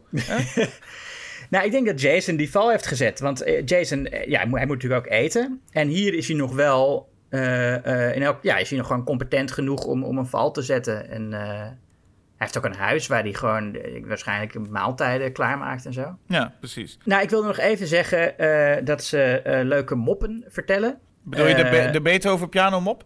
Nou ja, vooral het antwoord dat volgens mij is het Vicky dan geeft. Want nou, de, de clown vertelt die mop. eh, What's brown and sits on a piano? En dan zegt Vicky, your face. ja, wat is dat nou voor... En, en dan moeten ze nog lachen ook. Nou ja, het is dan eh, Beethoven's Last Movement, wat een heel flauwe grap is. Eh, maar goed, maar, en ook die mop van, dat, eh, van, van het, van het konijn en de beer, die Eddie Murphy in een special een keer heeft verteld. Die ze aan het begin vertellen. En dat is zo gek, dan zitten ze in de auto en dan rijden ze weg vlak voor de punchline van de mop. En dan denk je, oh, we horen de punchline niet. En dan in het volgende shot zijn we weer in die auto en horen we net de punchline. Ehm, maar goed, dat wou ik nog even zeggen. En ik wou toch nog even ook wat meer aandacht hebben voor eh, de finale van de, eh, eh, van de film. Want Ginny is wel. sowieso. een- ja, nee, ik, gewoon de, de beste final girl van de hele serie. In die finale wordt het ook nog wel eens echt spannend. Het moment dat zij. dat Jason achter een deur staat. En dat zij aan die deurknop aan het voelen is of hij niet hè, probeert door die deur te komen. Terwijl ze ondertussen het, het raam wil open doen om uit weg te vluchten. En dat Jason dan opeens door dat raam komt. Dat is misschien wel het beste schrik-effect in de hele serie. Nou, het is ook gewoon wel fijn dat Ginny eh, ook gewoon in het algemeen, los van haar kindpsychologie hoor, dat ze verder wel redelijk, redelijk slim is, redelijk ehm, natuurlijk reageert en niet alleen maar aan het schreeuwen is of wat dan ook. Dus ze is gewoon wat dat betreft ook gewoon en een sympathiek figuur ook, als je daar de hele film ziet. Ja, zeker. Gewoon een leuk sympathiek meisje, wat ook wel fijn is. En wat denk jij nou dat er gebeurd is bij die eh, laatste scare? Want ik, wat, ik wat, wat mij logisch lijkt, is dat Jason daar echt eh, eh, door doorheen springt en hun aanvalt. Dat zij dan bewusteloos raakt door de val of zo. En dat Paul vervolgens met Jason het bos in is gerold. En dat ze daar met elkaar gedaan hebben wat ze gedaan hebben. En dat, dat, dat lijkt mij het, het, het, de logische verklaring voor dat zij aan het einde weggevoerd wordt en vraagt waar is Paul. Jason is volgens mij aan het begin van deel 3 gewoon ehm, nou ja, bij zijn een of ander vaag stel. Dus Jason is Ja. weg, heeft weg kunnen komen. Ja, die was dan tijdelijk uitgeschakeld. Of, of, hij heeft, of, weet je, of we zijn een eindje het bos in gegaan en, eh, en, en hij heeft daar Paul vermoord. Maar Paul is nooit gevonden, zou ook nog kunnen. Nee, ik, ik weet het niet. Ik denk dat ik, ik heb wel zo- zelfs het idee dat misschien alles wat in dat hutje gebeurde met die hele muffin en zo, dat dat misschien ook gewoon een droom was. Zoals de eerste film ook eindigde met een groot deel wat een droom. Ja, nou, dat Was. zou nog kunnen. Ik vind dat Ginny, ik, weet je wat het ook is? Zij heeft wel, zij heeft wel het, recht verdiend om een slasher te overleven. Omdat ze ook ambities heeft om later nog iets te gaan doen. Hè. Ze is aan het majoren eh, in, in, eh, in, in, eh, in, ze is aan het afstuderen in, in kinderpsychologie. Ehm, en al die andere tieners, en ik denk dat dat is waarom Jason ze vermoordt. Omdat ze hun leven eigenlijk het hoogtepunt is al geweest, weet je wel. Ze hebben net seks gehad. Nou, dat was het beste moment van je leven. En het gaat ook niet beter worden dan dat. Dus dan komt Jason je vermoorden. Of, of je verheugt je op seks, zoals die, die, die, Vicky en, en, eh, en, en Mark. Ehm, en dat is dan ook een mooi moment. Dus dan komt Jason je ook vermoorden. Hij is eigenlijk, als zodra je leven het hoogtepunt voorbij is, dan, dan komt Jason. Nou, dat is toch wel jammer voor Mark, die, die toch de hele tijd beweert dat hij wel weer uit zijn rolstoel gaat komen. Ja, En zijn, nee, zijn, het, eh, ja, nee, tuurlijk. Het moet ook een beetje tragisch zijn. Daar is het ook wel, want hij denkt, ik ga de dokters eh, eh, die zeggen dat ik in een rolstoel moet blijven, maar dat gaat mij wel lukken om eruit te komen. Dat is toch... Ja, maar ergens weet, ergens weet Jason dat dat niet zo is. En dat hem alleen maar teleurstelling te wachten staat met die houding. Ja, weet je voor wie het dan pas tragisch is ook? Nou, Voor de, voor de vrouw van Crazy Ralph. Ik heb namelijk Ja, dus ach. gezien dat uit de eerste, eerste film, als je dan zo'n film voor de zoveelste keer ziet, dan zie je, hoor je ineens, Crazy Ralph heeft gewoon een vrouw. Ja. Nou, ja, die, die, ja. die, en die was wel helemaal ongerust dat hij weg was in de eerste film. Dan denk ik, nou, dat is dan ook wel sneu voor zo'n oud vrouwtje. Wat ik gok dat een oude vrouw is. Misschien, is wel, misschien heeft hij wel een jong ding aan de geslagen natuurlijk. Maar Ja. toch jammer, ook voor hen. Ja. Ik had graag nog iets meer gezien van Crazy Ralph. Maar dat sowieso ook voor Ginny trouwens. We zien niemand eh, terug. Ook Paul niet. Het is niet een vervolgserie waarbij je met Halloween en, en Nightmare on Elm Street toch iets meer spelen ze met het terugkerende personages. Ehm, ja, in deze film zit dat dus een stukje minder. ja, nu nog niet. Eh, inderdaad. Nee, er wordt Ehm, inderdaad, ja, eh, nou ja, goed, het feit dat Alice dus even terugkwam. Ehm, maar pas bij deel 4, als ik nou dan een brug ga slaan na Jason Lives, bij deel 4 krijgen we Tommy Jarvis. En dan krijg je een soort Tommy Jarvis trilogietje. Ja, de saga. De, de, de Tommy Jarvis saga, inderdaad. Saga, ja. ja. Waarbij ze dus verschillende dingen proberen. In de eerste film is, eh, in, in, in de final chapter, is, is, is het gewoon nog Corey Feldman. Als jongetje dat de boel overleeft. En ook nog, nou ja, aan het einde ook een soort. Een beetje net als Ginny in deze film. Hè? Weet je, een manier vindt om Jason te manipuleren. Ja. Eh, alleen dan niet verkleed als zijn moeder, maar verkleed als de jonge Jason zelf. Ja. Ehm, en je merkt toch aan het einde van die film al dat ze iets willen doen. Misschien. Maar hoewel, het was waarschijnlijk gewoon de final chapter. Dus ze dachten, we gaan gewoon even voor iets. En dat hoeven we toch nooit meer op te volgen. Eh, dat er iets met aan Tommy beschadigd is aan het einde van deel, eh, de final chapter. Nou, dat lijkt me wel, ja. Als je op die leeftijd eh zoveel moorden ziet... en dan zelf de dader aan stukken hakt met een kapmes. Ja, dat gaat je niet in de koude kleren zitten, absoluut niet. Maar ze, ze, ze lijken dat eindbeeld nog iets te, te, te kunnen zeggen. Althans, ik denk gewoon dat het gewoon de manier is om de film af te sluiten zonder dat je niet helemaal een happy end hebt per se. Maar daar gaan ze in de New Beginning toch nog een beetje op door. Ja, behoorlijk. Tommy is wel... Hij is in de New Beginning. Dan maakt de film dus weer een sprong vooruit in de tijd. Eh, dan is hij een stuk ouder. Ehm, ik weet niet hoeveel jaar precies, maar... Misschien ook wel iets van vijf jaar ouder of zo. Eh, niet zoveel als dat de acteur ouder lijkt dan Corey Feldman. Nee, precies. Maar de suggestie is vier of vijf jaar. Waarmee de film toch ook nog wel... Want deel 2 kwam dus uit een jaar na deel 1 en maakt een sprong van vijf jaar. En dat zou deel 5 nog een keer doen. En deel 7 ook nog een keer. Eh, dus die films zitten tegen die tijd echt... Hoewel ze in de jaren 80 nog zijn... zitten ze achter in de jaren 90 qua waar ze zich afspelen. Ja, maar John Shepard, die eh, Tommy Jarvis in die films eh, speelt, die oogt in ieder geval 30. Maar is waarschijnlijk Ja. is, een, is een stukje jonger, moet hij zijn. Daarin is hij heel erg gekweld en wordt er volgens mij ook wel een beetje gespeeld, lichtelijk, dat hij misschien de moordenaar ook kan zijn. Ehm, Ja, nou ja, in het, aan het einde. Ja, nee, precies. Hij is wel een van de, een van de red herrings die, eh, die, waar die film vol mee zit. Er zit ook een of andere zwerver in die ergens wil werken, waarvan ook, eh, eh, die er ook alleen maar in zit, zodat je denkt, zou dat misschien de Jason zijn? ja. Terwijl je eigenlijk als kijker volgens mij niet eens bezig bent met hoezo moet iemand anders Jason zijn. Dit, die gaan ervan uit, het is toch gewoon Jason. Ja, want hij ziet er ook uit als Jason, behalve dan dat hij geen bel, eh, eh, hoe noem je dat? Eh, geen geen gat in zijn masker heeft en, en blauwe streepjes in plaats van rode. Ja. Ja, dus maar het is. ja, die film hebben ze, zijn ze dus geëindigd met dat Tommy Jarvis wederom eigenlijk een beetje soortgelijk einde als in deel 4. Eh, Tommy Jarvis heeft iets meegemaakt wat best wel heftig is. En besluit zelf het hockeymasker te dragen. En dat ja, en eind. zelfs eh, het, mes op te pakken. En het Aan mes op te pakken, dat- een mes en dan, eh, ja. We zien hem nog niet iemand vermoorden, maar nou ja, de kans, eh, die kans zit er wel dik in. Alleen daar zijn ze weer van afgestapt, want dat is het hele punt van Jason Lives. Afstappen van wat we in, in A New Beginning hebben neergezet. De reacties waren niet zo heel positief wat betreft A New Beginning. En dan met name natuurlijk het feit dat iedereen teleurgesteld was. Het is niet Jason. ja, ik kan me wel voorstellen dat je als je in de bioscoop zit...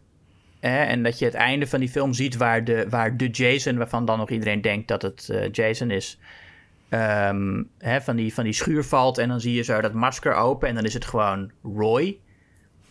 Ehm, ik, ik kan me wel voorstellen dat er moment is waar, waar een hele bioscoopzaal van... Ah, weet je wel? Ja. Nou, dat, dat snap ik sowieso wel. Het is dan natuurlijk wel weer zo, als je puur dat einde nou even weghaalt. Dus stel je zou een shot gooien dat eh, eh, Jason ehm, op de grond eh, flikkert. En dat ze gewoon een shot hebben van gewoon Jason die op de grond ligt. En dat zijn film zou daarmee afgelopen zijn. Dat je dan toch meer zoiets hebt van. Ah, het is best wel een oké film. Of een beetje sleazy, et cetera. Het is toch dat Ja. een film best wel verpest kan zijn, schijnbaar. Ehm, nou ja, als, als, het, als je alleen maar het einde even hoort ziet van het was Jason niet. Ja. Ja, wat toch wel ook raar is, want hij gedraagt zich de hele film gewoon als Jason. En eigenlijk slaat het ook helemaal nergens op dat het zogenaamd Roy is, die dan gewoon willekeurige mensen gaat afslachten omdat hij zijn zoon heeft, eh, eh, eh, het lijk van zijn zoon heeft gezien. Ja, en het is, een, het is ook, hij heeft ook volgens mij schijnbaar bovennatuurlijke krachten. Hij is in ieder geval heel sterk. Hij kan overal ook zijn. Dus hij heeft gewoon, hij, het is gewoon Jason eigenlijk. Alleen blijkt aan het einde dat het Roy is in plaats van Jason. Maar alsnog werd het wel gezien als, nou ja, dat hele bioscoop inderdaad zoiets had van, nou, dit, eh, hier zijn we niet zo blij mee. Ehm, ik, ik, ik zie dan ook, dat zie je ook aan de titel. Dat heb je dus bij Halloween 3 ook. Hè? Daar dachten mensen ook, we gaan, we stappen af van het Michael Myers formule. Toen dat niet zo'n succes was, meteen, we moeten terug. Nou, Halloween 4 heet ook heel duidelijk The Return of Michael Myers. Ja. Hè? Dat kun je niet zo hard mogelijk van de daken schreeuwen. En hier zie je ook duidelijk, de film heet Jason Lives. Om maar even geen, eh, daar mogen geen misverstanden over bestaan. Ja, trouwens, eh, bij Friday the 13th was het oorspronkelijk ook de bedoeling, net als bij Halloween, om van elke eh, aflevering een, een losstaand verhaal te maken. Maar omdat die laatste scare van deel 1 zo populair was, hadden ze, toch maar eh, besloten om Jason terug te brengen.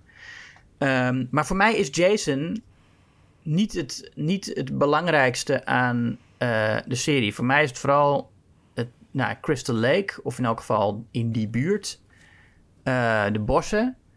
En ja, een, een, een moordenaar die nog wel eh, een mens is, maar ehm, nou, een beetje de Jason van deel 3 en 4. En ik vind eigenlijk deel 4 is de ultieme Jason.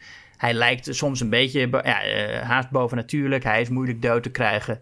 Maar het is nog steeds, hij is super sterk en zo. Maar het is nog steeds een persoon, een man. Ja, dat is waar ze ook een beetje naar teruggrepen in de remake van, eh, van Friday the 13th. Ja. Dat je een beetje een, iemand die wel echt enorm groot is, maar eh, en gespierd en, en sterk. Maar je Ja. kunt het nog geloven als zijnde, eh, dit is misschien wel gewoon een, nog een echte man. Ja. Eh, en ik vind als je Jason uit de dood gaat laten herrijzen. Ja, dat is, dat, ik vind het toch jammer. Ik vind het eigenlijk gewoon echt jammer dat ze dat gedaan hebben. En eh, ehm, niet dat ik eh, het, nou eh, die andere Jasons niet leuk, de, de- zeg maar de, de latere Jason niet leuk vind. Maar ik, ik ben wel heel benieuwd wat er, hoe het geweest zou zijn als ze gewoon door waren gegaan met het einde van deel 5. En dat Tommy de, de nieuwe moordenaar is die in al die delen eh, iedereen, eh, iedereen vermoordt. Nee, het geldt eigenlijk ook hetzelfde verhaal bij Halloween. Daar had je een deel 4, wordt ook ingezet aan het einde van The Return of Michael Myers... dat eh, het kleine meisje Jamie Lloyd de moordenaar wordt. Ja. Ehm, en ook daar gaan ze niet mee door. Wat ik ook een heel interessant iets gegeven had gevonden als ze daarmee door waren gegaan. Ja. Dat Daniel Harris vanaf dat moment de moordenaar was van de Halloween-serie. Eh, maar toch wordt er snel teruggegrepen naar... nee, eh, mensen willen Michael Myers of mensen willen Jason Voorhees... dan geven we ze die ook. Ehm, en het is niet zo moeilijk om dan een eh, man een masker op te, trek, eh, aan te, te geven... en daarna gewoon te zeggen van vermoord maar tieners. Het enige is, je komt er niet steeds mee weg... dat alle dingen die ze te verduren krijgen... dat ze dat maar overleven... En dat is al een beetje twijfelachtig in de Friday the 13th serie van een bijl in je kop of een, een, een, een hakmes in je schouder. Hoe overleef je dat? Ehm, dat ze bij deel 4 ook wel echt zoiets hadden. Ja, maar dit, nu wordt het wel heel erg gek als we dit gewoon zien als, nou, het is maar een... eh, dan krijg je die, die Monty Python sketch met, het i- it's just a flesh wound. Ja. En dus ik snap heel goed, en dat geldt, sowieso zijn er een paar keuzes gemaakt vanaf Jason Lives waarvan je denkt, bijzonder eh, of nieuw. Maar ik snap heel goed dat ze nu dachten, fuck it, we gaan wel voor eh, iemand uit de dood laten opstaan. Want het lijkt me heel gek om Jason terug te laten keren en zeggen, ja, hij was toch nog wel levend. En wat jij zegt, terug naar Tommy Jarvis. Als moordenaar zou hetzelfde kunnen resulteren als met Roy. Dat mensen zeggen, nee, maar we willen geen Tommy als moordenaar, we willen Jason. Ja, nee, je zou gelijk kunnen hebben dat fans daar, eh, daar dat niet gewild zouden hebben. Nou, ja. gezien, gezien de reactie op Roy, die ik ook niet zo heel erg Ja, vind per se, eh, dan denk ik wel dat de studio geen, geen risico wil nemen en zegt: we krijgen hoe dan ook Jason. En dan kun je twee dingen doen. Of Jason stapt weer uit het mortuarium op en zegt: Oh, ik ben er toch nog wel. Of je laat hem gewoon echt letterlijk, en dat is wat Jason Lives ook doet. En dat vind ik eigenlijk juist heel sterk. Mhm. Gewoon zeggen, fuck it. Tom McLaughlin, de regisseur, fuck it. Het wordt gewoon ook echt een zombie die letterlijk uit het graf herrijst. En ook niet eens op de meest subtiele manier van, ah, hij leeft er toch nog wel. Nee, gewoon letterlijk op de, op de Frankenstein manier. Gewoon een Ja. bliksem en brengt hem tot leven. Ja, die film begint ook meteen met echt een, een, een totaal andere sfeer. Eh, het openingsshot, het is wel heel klassiek gothic eh, horror. Hè? Met, meteen, je ziet eh, onweer in de lucht en, een- en de volle maan en de mistige bossen en het kerkhof. Ja. Je hebt echt het idee van dat je een soort Hammerfilm zit te kijken eigenlijk. Ja, en dit keer ook even geen, geen, eh, geen recap. Dat zit in de meeste Friday the 13th films. Dat altijd een recap of eh, wat er voorheen gebeurde. Of dat kampvuurverhaal. Hier is het gewoon meteen bam. Bam, eh, nacht. Maar dan wel vrij duidelijk overdag gefilmd en, en, en, en donker gemaakt. Ja, en daar komt onze held Tommy Jarvis voor de derde keer dus terug. Dit keer gespeeld door Tom Matthews uit Return of the Living Dead. En ja, ja die, die is eigenlijk gewoon... eh, eh, en ik weet niet 100% of het dan helemaal aansluit bij Friday the 13th deel 5. Maar voor mijn gevoel kon het wel. Dat hij nooit dat masker Nou. opgezet had, maar dat hij wel uit een soort van gekkenhuis komt. En eh, gewoon geobsedeerd is met dat masker wat hij dus heeft van, eh, van Jason. Eh, want dat heeft hij ook echt bij zich. Eh, dat hij zoiets heeft van: Ja. ik, ik, ga, eh, ik wil echt zeker weten dat Jason dood is. Voor mij voelde het wel, ik denk dat er wel continuïteitsfouten zitten. Maar het voelde wel alsof het nog deel 5 bij de continuïteit zou kunnen. Nou ja, qua continuïteit klopt het wel, maar dat personage is wel enorm veranderd. Hij Ja. was in deel 5 echt ehm, getroubleerd. Hè? En, en hij zei bijna niks. En hier is het ja, een soort jonge held geworden, die eh, ook een meisje versiert natuurlijk. Ja, daar, ik denk ook niet dat we nogmaals nog een keer naar Friday the 13th eh 5's Tommy Jarvis hadden willen kijken. Want het is wel een personage dat niet bijblijft als je het zo bekijkt. Tommy Jarvis in, in deel 5, ik snap wel dat hij dan inderdaad getraumatiseerd is. Maar ik denk niet dat je daar een hele filmreeks mee kon vullen met dat figuur. Nee, maar dat- hij, hij hoeft toch ook niet per se terug te keren? Of, of misschien alleen in de openingsscène dat hij, eh, dat, dat hij nog wel die getroubleerde gast is... en in de openingsscène even Jason tot leven wekt... en daarna zelf ook vermoord wordt. Dat, dat, dat, dat was acceptabeler geweest dan dat je hem de rest van de film laat rondrennen... en opeens dat hij een totaal andere eh, mens is geworden. Hij is ook geen kung fu meester meer, zoals in deel 5. Nee, en wat sowieso iets is wat hij in deel 4 werd al geïntroduceerd. In deel 5 zit het ook een beetje, is dat hij een eh, maskermaker is. Hij is een soort Tom Ja. Savini. En daar wordt, daar wordt in deel 4 nooit wat mee Maar gedaan. echt, In deel ook 5 echt dat nooit wat mee gedaan. heeft hij al, hè? Ja, hij kan echt als klein kind kon hij echt de, de, de meest geweldige dingen maken. Maar daar wordt zeg maar nooit wat mee gedaan. En hier hebben ze het ook gewoon weggegooid. Dat ze denken, het is, in Ja. principe klopt het ook wel. Hij heeft de naam Tommy Jarvis. En hij heeft... eh, je had ook gewoon deze film iemand anders kunnen maken die zegt... Ja, ik... ik eh, weet ik veel. Ik, ik heb, ben ook een van de slachtoffers. Of ik ben de broer van of de zus van een van de slachtoffers in de eerdere films. Het feit dat hij Tommy Jarvis is, voegt niet heel veel toe. Behalve dat hij wel een geschiedenis heeft. En natuurlijk dat het met de sheriff in deze film heel erg heen en weer gepingpongd wordt van... Ja, maar de sheriff gelooft in dit geval eh, dat misschien Tommy Jarvis een beetje nou ja, doorgedraaid is. Nou, dat is ook zo natuurlijk. Ja, maar dat had je bedoel, misschien... uiteindelijk, het is, hij heeft aan de ene kant gelijk, maar het is ook eh, compleet zijn schuld. Alles wat er in deze film gebeurt, is omdat, Ja- omdat Tommy Jason heeft opgegraven. Jason lag daar gewoon dood te zijn. Ja, dat vond ik zelf ook wel heel leuk. Ik vond het ook fijn dat Jason niet door per toeval maar terugkwam of al terug was. Ja. Ik vond het wel fijn dat juist de held die zo, ge- zo geobsedeerd is om hem juist dood te maken, juist een fout maakt en hem juist terug laat keren. Ik vond het eigenlijk wel een mooi iets, eh, ook voor zijn persoon, dat Ja. hij dus de hele film een gevoel heeft van ik moet, eh, ik moet dit rechtzetten, want ik ben eigenlijk degene die, nou ja, dom dat ik was. ja, eh, nee, dat is, dat is inderdaad een goede vondst dat juist door zijn obsessie eh, Jason weer, weer terugkomt. Hij gaat trouwens met, een- met een vriend naar dat kerkhof, die wel weet wat ze daar gaan doen, maar niet helemaal of zo. Want dan hebben ze de kist van Jason opgegraven en dan zegt die vriend van hem, there's your proof, there's his coffin. En dan is hij heel verbaasd dat Tommy die kist open wil maken. Ja, maar dat is niet omdat, want die, die vriend had al gezien dat eh, Tommy natuurlijk benzine en zo mee had genomen. Dus hij die wist wat hij ging doen. Ja. Maar deze vriend is heel duidelijk bang. En zegt het ook steeds. Dus hij is, dat is een soort meer een grapje, zo interpreteer ik het. Als een grapje van, nou, nou, nou heb je het gezien toch? Nou, laten we gaan. Een beetje proberen steeds Oh, dat. Tommy mee te krijgen van... Oh, eh, eh, bij wijze van spreken, we zien een grafsteen met Jace Voorhees. Nou, genoeg gezien, kunnen we weer? Zo voelde ik hem een beetje. Nou, Wat natuurlijk heel, eh, Nou, goed is, want deze vriend gaat er natuurlijk op een vrij gruwelijke manier aan. Arme, arme jongen. Die, eh, eh, nou ja, het eerste slachtoffer van zombie Jason wordt. En ik Ja. denk dat daar het moment, daarna komt het moment wat natuurlijk een groot punt is van deze, deze film, is de toon. En dat wordt vrij duidelijk als Jason uit zijn. eh, ik vond sowieso heeft het al wel wat, een wat luchtige toon. Ook in de dialogen merk je dat het allemaal net iets snappier is dan voorheen.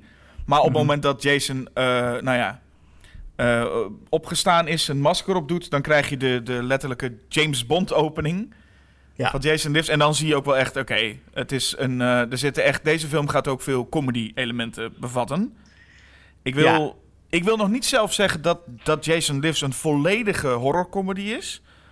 Daarvoor is hij toch net iets te... Hij past wat mij betreft net iets te veel wel in het rijtje. Hoewel deze wel duidelijk de meest geestig is. Hoewel Jason X ook wel in de buurt komt.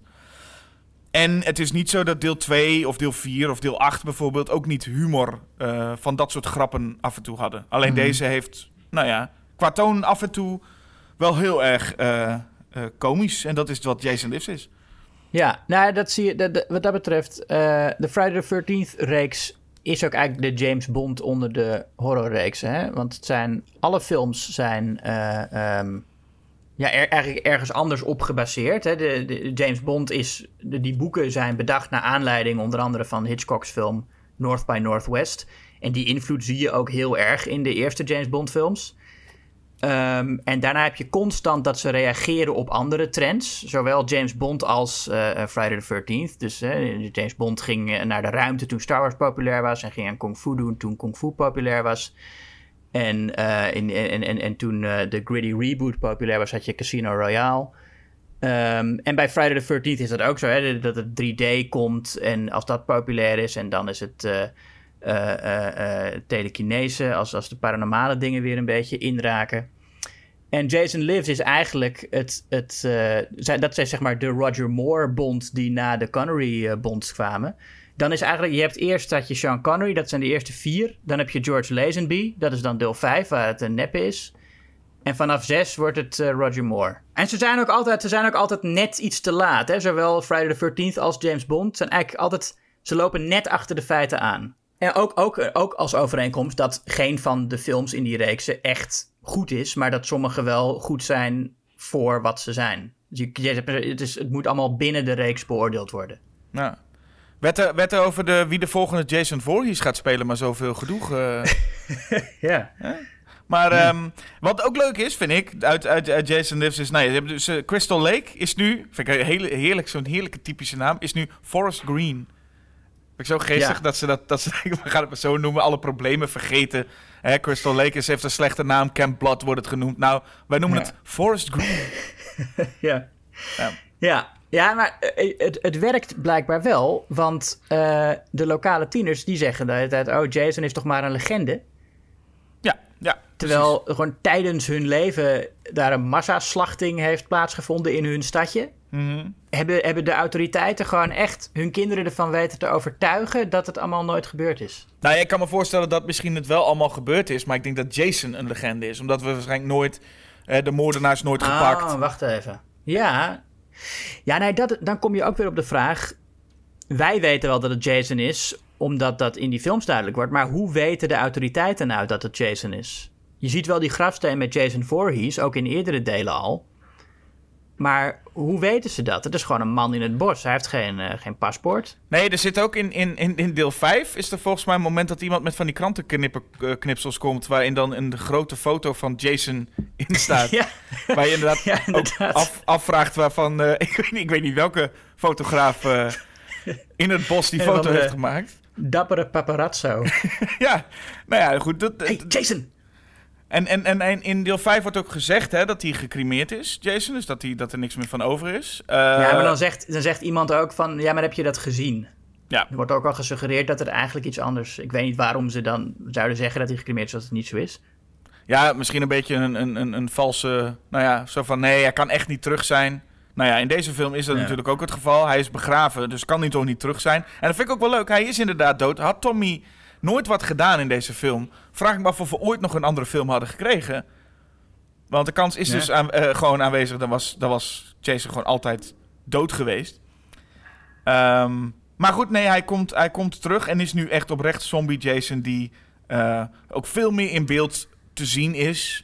En eh, ook wat iets lomper te werk gaat. En dat heeft waarschijnlijk ook met de comedy te maken. Dat hij gewoon net ietsjes lomper gaat te werk gaat. wat ook vaak heel geestig is.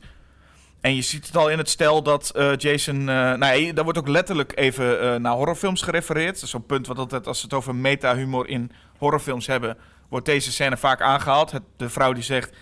Ja, ik, ik, weet ik heb genoeg horrorfilms gezien om te weten dat een, ma- een man met een masker niet... dat is nooit goed. En daar staat Jason Ja. dan op de, op de straat. Ehm, ja, daarin voel je al wel van... Oh, dit is een andere, dit is een andere soort film. Toch? Ja, En dat vind ik wel fijn dat Tom McLaughlin echt een keuze, echt een, echt een pad kiest. En toch, nou ja, ondanks dat er wel wat, wat flauwe humor in zit, ook wel heel erg duidelijk een keuze maakt van we gaan deze Jason laten zien. En het ook daarbij houdt. voor mij gaat die, die meta-humor toch wel op de zenuwen werken. Omdat het, ik vind het vaak toch een beetje flauw. Mhm. Het heeft niet echt de diepgang van de, de humor in Scream. Of New Nightmare trouwens. Ehm, en het, het, is, ja, het is een beetje... Je hebt die, die scène waar de grafdelver... Die, dat vind ik het meest irritante. Die grafdelver die dan ziet dat Jason's graf eh, is, is, eh, is, is ge- gedolven, zeg maar. Ja. Ehm, en die zegt dan... Why'd they have to go and dig up Jason? Some folks have a strange idea of entertainment. En dat is al erg genoeg, maar dan kijkt hij ook nog eens recht in de camera. Ja, dat is even, even naar, hij kijkt even naar ons kijkers. Ja, dan denk je ook van ja, maar eh, kom op. Je moet wel. Het is prima dat er humor in zit. Maar. Als, als, je, als je een personage tegen het publiek laat zeggen van... "Hé, wat zijn jullie hier eigenlijk aan het doen? Ik hou daar niet van als, als films dat doen. Als films zeggen van... Ah, we zijn eigenlijk ook maar raar bezig. Hè? Dat, vond ik ook aan Cabin in the Woods Store dat me ook een beetje. En aan... ehm, het ergste zit ook in Jay and Silent Bob Strike Back. Hè, of die- ik, ik weet niet of je die gezien hebt, maar daar zit zo'n moment dat iemand zegt van... Oh, een, een film over Jay en Silent Bob. Wie wil daar nou naartoe? En dan kijken ze zo allemaal recht in de camera. Ja, oké. En ik denk van, waarom, waarom maak je die film dan als je dat vindt? En als je het niet echt vindt, waarom zeg je het dan? Nee, maar het is gewoon een. Ik, ik, ik, ik snap ergens wel wat je. Ik, ik vind zelf gewoon, het is vaak een beetje knullig. Zo'n grap komt altijd een beetje knullig over. Maar ik snap wel wat ze bedoelen. Gewoon meer van, haha, we bedoelen nu jij. En het werkt voor mij nooit zo goed. Als een personage in de camera kijkt, heb ik als kijker in ieder geval nooit het gevoel dat diegene mij aankijkt. Eh, maar dat moet dan een grap zijn. Ja. Nee, ik vind op zich, het is prima als personages in de camera kijken. Eh, ik, Nou, ik vind die, het dat, dat, eh, soort humor. Je hebt dat, ook, dat soort humor. Dat zit ook in een paar van die comedies. Ik denk dat het eh Ferris Bueller's Day Off volgens mij is die dat ook bekend maakte. Zo'n end credit scene waarin hij het pu- bioscooppubliek gaat aanspreken. Nou, Ehm, dat doet Ferris door de hele film. ja, oké, maar dat hij aan het einde echt letterlijk aan de bioscoop eh, refereert van... hey, ruim je wel je rotzooi op en de film is klaar en ga de Hmm. Ja. zaal uit. En dat is gewoon altijd een beetje... Ik, ik, ik, ik, ik, ik vraag me gewoon af hoeveel mensen in het publiek dan zitten met... Ha, hij praat tegen mij. Dat, het, het, het, het werkt gewoon nooit zo goed. Ik, zo, ik snap wel wat je ermee bedoelt, maar ik vind het nooit zo heel... eh, als echt mensen zo in de... Maar goed, dit is gewoon eigenlijk een kleine knipoog dan nog van Jason Lives. En deze grafdelver heeft sowieso heel veel van dat soort zinnetjes. Daar is hij ook voor bedoeld. Hij, hij, Ja. hij zegt tegen zijn fles, you're gonna be the death of me. En dan denk je, wat, wat? Dat is natuurlijk wat er ook Ja, gaat gebeuren. En, en de bekendste... eh, who do, uh, what do I think I am? A fart head? En dan krijg je meteen kinderen die heel hard ja roepen. Ja, dat, ja, ja Nou ja, dat is een beetje Jan Klaassen humor. Ehm, Beetje Dick Maas humor trouwens. nou, dat zou kunnen inderdaad. Maar goed, het is ook... Deze man is uiteindelijk ook niet veel meer dan gewoon een Crazy Ralph, toch? Crazy Ralph is ook gewoon een dom komisch figuur. Ik bedoel, die praat ook Ja. met... met, met oh, you're doomed. nou, dat, Nee, maar, ja, maar, nee, maar Crazy Ralph is... is eh, ja, oké. Maar Nee, maar het gaat niet om verder wat voor personage die man is. Het gaat erom dat die, dat, dat de toon van de film is. Dat de film eh, zichzelf minder serieus neemt. En niet dat ik de Friday the 13th films allemaal zo enorm serieus neem. Maar ik vind het wel fijn als ze zichzelf serieus nemen. En hoe, hoe, hoe duidelijk eh, eh, ze ook zijn in het feit dat het allemaal goedkope rip-offs zijn en snel gemaakt voor weinig geld. En om veel geld mee te verdienen, dat weet ik allemaal wel. Maar toch hebben die eerdere films een soort eerlijkheid over zich. Die ehm, in schril contrast staat met de ironische hipheid van een deel 6. En ook zeker van eh, Jason X, wat ik ook geen goede Friday vind. Nou ja, het is, het, is, eh, het is ook een smaak, uiteraard. Ik bedoel, ik weet dat jij ook inderdaad zegt dat humor... Ik, voor mij is het een van de... Ik vind het een verademing, Jason Lives. Omdat ik ook wel dacht... eh, ik hoef niet zoveel... Ik hoef niet nog een keer een, een final chapter. Ik hoef niet nog een keer een...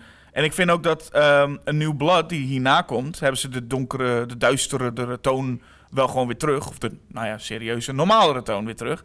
En dat vind ik ook een van de mindere. Gewoon het feit dat er zitten wat creatieve dingen in die film... maar de toon aan zich en de, eh, de compleet humorloze dialogen... vind ik daarin echt wel dat ik denk... ja, daar ben ik ook wel een keer klaar mee. In deel 7 zit juist een van, de, een van de beste grappen uit de hele serie. Mijn favoriete dialoogregel, die grappig bedoeld is, is eh, als de nerd afgewezen wordt door een meisje en dat hij zegt: Rejection, huh? I've dealt with rejection. I've, I've been rejected by some of the best science fiction magazines in the continental US. Ja, Nou ja, die, ja, je hebt er geen reactie, maar dat vind ik, eh, dat is een van mijn, dat vind ik echt een goede grap. Nee, ik vind het, ik snap, er zit ook wel leuke grap in, maar de toon over het algemeen, met die, met die, met die eh, eh, hele saaie figuren en dat dramatische gedoe, daarvan vind ik Jason Lives gewoon een hele eh, een fijne verademing. Eh, tuurlijk had het een betere film kunnen zijn of een betere serie kunnen zijn, maar in een deel 6, waarbij een regisseur zo duidelijk kiest voor een, een, een goede toon en ook heel eigenlijk wel bij die toon blijft, eh, ehm, werkt va- Ik denk zelfs dat het moment van de paintballers, dat die misschien nog wel... Te ver gaat bedoel je met humor? Of... Ja, want daar krijg je wel echt het Ja. lullige muziekje en wel echt de typetjes. Daar wordt het wel heel... Ja, Eh, dat mannetje met die bril. Ja, daar, wordt- daar wordt het op een gegeven moment wel heel erg Three Stooges eh, misschien.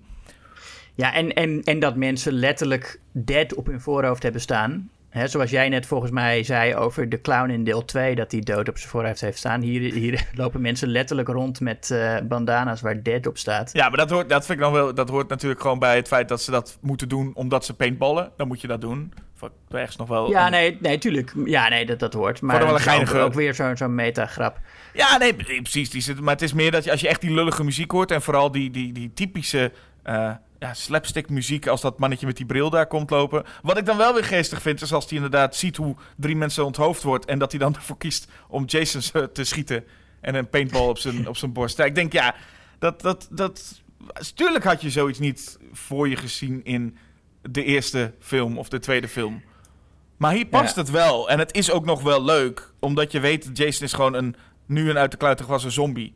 Dus het- hij is ook een beetje verbaasd om wat hij doet. Hè? Dat hij opeens rukt hij zijn arm eraf en dan kijkt hij, lijkt hij een beetje verbaasd te zijn van... Oh, ben ik zo sterk? Ja, dat is een beetje waar ze vaak met de humor in spelen. Wat in, in Jason Takes Manhattan ook zit. Zit zo'n moment dat Jason Ja. eh, aan wal komt en een groot hockeymasker ziet.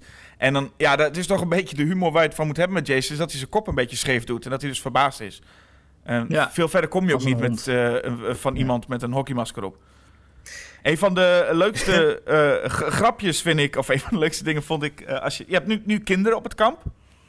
Dat is Ja. eh, voor het, Het is eerst. sowieso de eerste sinds deel 2 waarin, er, waarin het weer gaat over kampleiding. Hmm. Deel 3, 4, deel 3 en 4 gingen over mensen die daar kwamen om te feesten. En in deel 5 was het een, een inrichting voor, voor getroubleerde jongeren.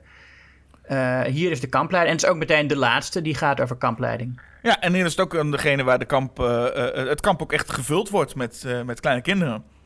Ja. Ehm, en dan heb je, zie je een paar shots van de kinderen die aan het slapen zijn. En dan krijg je gewoon een shot van een meisje die net een brief naar haar ouders heeft geschreven. En dan zie je het volgende meisje dat op, in het boek ligt en die net No Exit van Jean-Paul Sartre heeft gelezen. Dat Ja. vond ik wel een heel leuk, heel leuk momentje. En daarna krijg je het meisje, een ander meisje, en dat zal ongetwijfeld een referentie zijn. Het meisje dat Nancy heet, die vooral last heeft van nachtmerries. Ik denk dat zal ook wel een. eh Oh ja, had ik nog niet eens gerealiseerd. Maar het zou kunnen. ik gok Ja. dat het ook wel een soort knipoogje, knipoogje is. Ja, ze wilden toen ook wel. Ze, ze- eh, Friday the 13th wilde al een Nightmare on Elm Street eh, crossover doen. Hè? Eigenlijk wilden ze van deel 7 Freddy vs. Jason al maken. Maar daar hadden ze bij Nightmare on Elm Street toen nog geen interesse in. Omdat, om, nou, omdat Elm Street het, eh, toen de veel grotere serie was. Ja, het was heel, iets wat al heel lang eh, nou ja, stond te gebeuren om, om, eh, om die twee tegenover elkaar te zetten. Ehm, verder vind ik die, die nou ja, er zitten dus ook een paar kills in deze... ehm, maar er zitten gewoon, ik, vind er zitten ook gewoon coole dingen in. Er zitten, gewoon een paar coole shots. Ik bedoel, Jason die op een brandende camper staat. Ehm, het ziet er ook gewoon wel cool uit, wat dat betreft. Wat dat betreft ook, ook visueel heeft Tom McLaughlin wel een paar dingen... dat hij niet alleen maar voor humor gaat... maar ook gewoon dingen er ook wel heel, heel tof uit laat zien. Ja, En, en, en, en ook als hij met een... eh beste combinatie van alles is denk ik als hij... eh, hij heeft net een, eh, een, een kampleidster onthoofd. En dan loopt hij met dat lichaam over zijn schouder... het onthoofde lichaam loopt hij langs de ramen van al die kinderen... die daar liggen te slapen. Ik weet niet, dat Ja. zijn wel beelden en shots die... ik wel echt bij een Friday the 13th vind horen inmiddels. Ja, nee, het zitten inderdaad wel mooie iconische shots in. En eh, ook, het, ook dat gekke shot dat die kinderen liggen allemaal in zo'n blokhut te slapen en dan brandt er een haardvuur. Mhm. Dat je denkt van, je gaat toch niet die kinderen daar onbewaakt laten en s'nachts dat, dat vuur eh, keihard laten branden. Maar wel een mooi shot. Maar het ziet er wel mooi uit, inderdaad. Ja. Ja. Nee, precies. Ik zou, ik zou het niet aanraden om het zo te doen. Maar het ziet er wel mooi uit. En terwijl dat dus allemaal plaatsvindt, krijg je een, een, een soort van. Nou ja, een driehoeksverhouding met Tommy, eh, de sheriff en de dochter van de sheriff. En ik vind zelf dat een leuke. Een, een leuke driehoek eigenlijk. Leuke drie personages. En dat normaal Ja, heb je en bij- driehoek suggereert toch ook dat de, dat de sheriff ook romantische interesse zou hebben in Tommy, of niet? Nee, nee, nee, ik bedoelde niet de driehoeksrelatie. Ik bedoelde meer, ik vind het een leuke eh, drie-eenheid. Ja, nee, ja, Een, een, een, drie leuke eh, figuren met, met zeg maar een sheriff die... Want meestal zijn die politieagenten... Nou, dat zagen we in deel 2 al. Een politieagent die achter Jason aanrende een tijdje... en daarna een hamer in zijn gezicht kreeg. Ehm, vind ik het hier wel mooi dat de sheriff ook gewoon... echt een, een, een, een goed personage is. Sterker nog, ik vind, het een, ik, ik vind dat hij doodgaat aan het einde... dacht ik oprecht even van... Oh, dat is, dat is wel... eh, ja, wel heftig of zo. Oh ja? Ja, ik, ik mocht had hem helemaal niet. je, de, de sheriff niet. Nee. Nou, dat wordt deels zo neergezet, maar het is wel gewoon. Nou, ik, ik vind dat hij ergens wel. Nou, hij heeft natuurlijk wel, kijk, hij heeft wel een punt. Laten we daar duidelijk over zijn. Eh, Tommy is ontsnapt uit een inrichting. Dat is gewoon zo. Hij zit blijkbaar niet meer in dezelfde inrichting als in deel 5. Want dat was meer op vrijwillige basis, geloof ik. Dus hij is hier naar een gesloten inrichting verplaatst. Wat na het einde van deel 5 ook wel eh, begrijpelijk is. Maar hij is ontsnapt. Ehm, het is eigenlijk een beetje het, het cliché van de ontsnapte gek omdraaien. Hè? Het is eh, zeg maar, de, hij, Michael Myers ontsnapt uit een gekhuis en gaat mensen vermoorden. En, en Tommy ontsnapt uit een, uit een inrichting en gaat eh, naar de boel redden. Dus, maar het is volkomen begrijpelijk dat die sheriff denkt: ik, eh, ik, ik zit in een slasher, dat weet hij. Want zo'n film is het. Dus deze jongen is een, is een ontsnapte eh, maniak die eh, iedereen gaat afslachten. En die zeker uit de buurt blijft van mijn dochter Megan. Ja, En, en, Megan is meteen geïnteresseerd in Tommy. Hij ze ziet hem opgesloten zitten in, de, in die cel. En dat is dan gewoon iemand die ontsnapt uit een inrichting. En meteen denkt ze, oh, daar heb ik een romantische interesse in. Ja. En ik denk dat dat ook iets is om zich af te zetten tegen haar vader. Ik denk dat ze het in eerste instantie vooral daarom doet. Want anders zou het echt compleet belachelijk zijn. nee, maar je ziet het in de hele film verder. Je ziet de hele tijd dat Megan is, is dusdanig speels dat ze gewoon eh, vooral zin heeft om hem te helpen. Gewoon voor de fun. Ze heeft, ze heeft wel zin in wat Ja. spanning. Ze heeft wel zin in wat. eh, ze ziet natuurlijk in hem niet echt een moordenaar. En ze reageert ook wel net iets anders als ze hoort dat haar vrienden eh, omgekomen zijn. Dus het is niet alsof ze zo blijft. Maar het is wel leuk dat ze gewoon de hele tijd denkt... Oh, spannend, zal ik je helpen uitbreken? Oh, heel spannend, zal ik je met je gaan racen? Ga maar, ga maar eh, eh, in, in mijn auto mee. Ik vind het wel leuk om te scheuren om voor de politie weg te rijden. Dus dat, dat zie je de hele tijd in haar. Wat ik wel heel ja, leuk het vind. is, aan haar. eigenlijk, het is eigenlijk een soort Hitchcock-koppel. Hè? De, de, de, de onschuldig verdachte man en de avontuurlijke vrouw. Ja, nou, zo, ja. Precies, en ik, ik denk dat wat ik fijn vind aan die sheriff, kijk, eh, hij is niet, eh, ik, ik, ja, je kunt zeggen hij is competent, maar hij is, hij is, het is in ieder geval niet een complete zul of zo. En eh, ik vind het ook fijn dat hij echt wel terugvecht. Op het moment dat Jason ook op de, eh, dat hij tegenover Jason ontdekt, oké, deze gast is niet dood te maken, en Jason naar zijn dochter wil gaan, zie je hem ook echt dat hij gaat strijden. Het is wat dat betreft gewoon meer een, een, een, meer dan een sheriff. Hij is gewoon wel echt ook een vader. Meer dan. Ja, ja nee, tuurlijk. Ja. En daarvoor, voor- daarvan dacht ik wel, ah, dat is best wel, wel, wel een, een wat pijnlijker. En zijn, zijn dochter Megan roept dan ook heel erg om haar vader. Eh, dat ik denk, oh ja, dat, dat vind ik het feit dat dat personage dan zo omgebracht wordt. eh, mij veel meer doen dan een andere politieagent die daar... Want dat zijn, er zijn natuurlijk wel meerdere politieagenten die Mm. even wat eh, te verduren krijgen. Ja, het is ook een beetje... Jason fout hem dubbel, hè?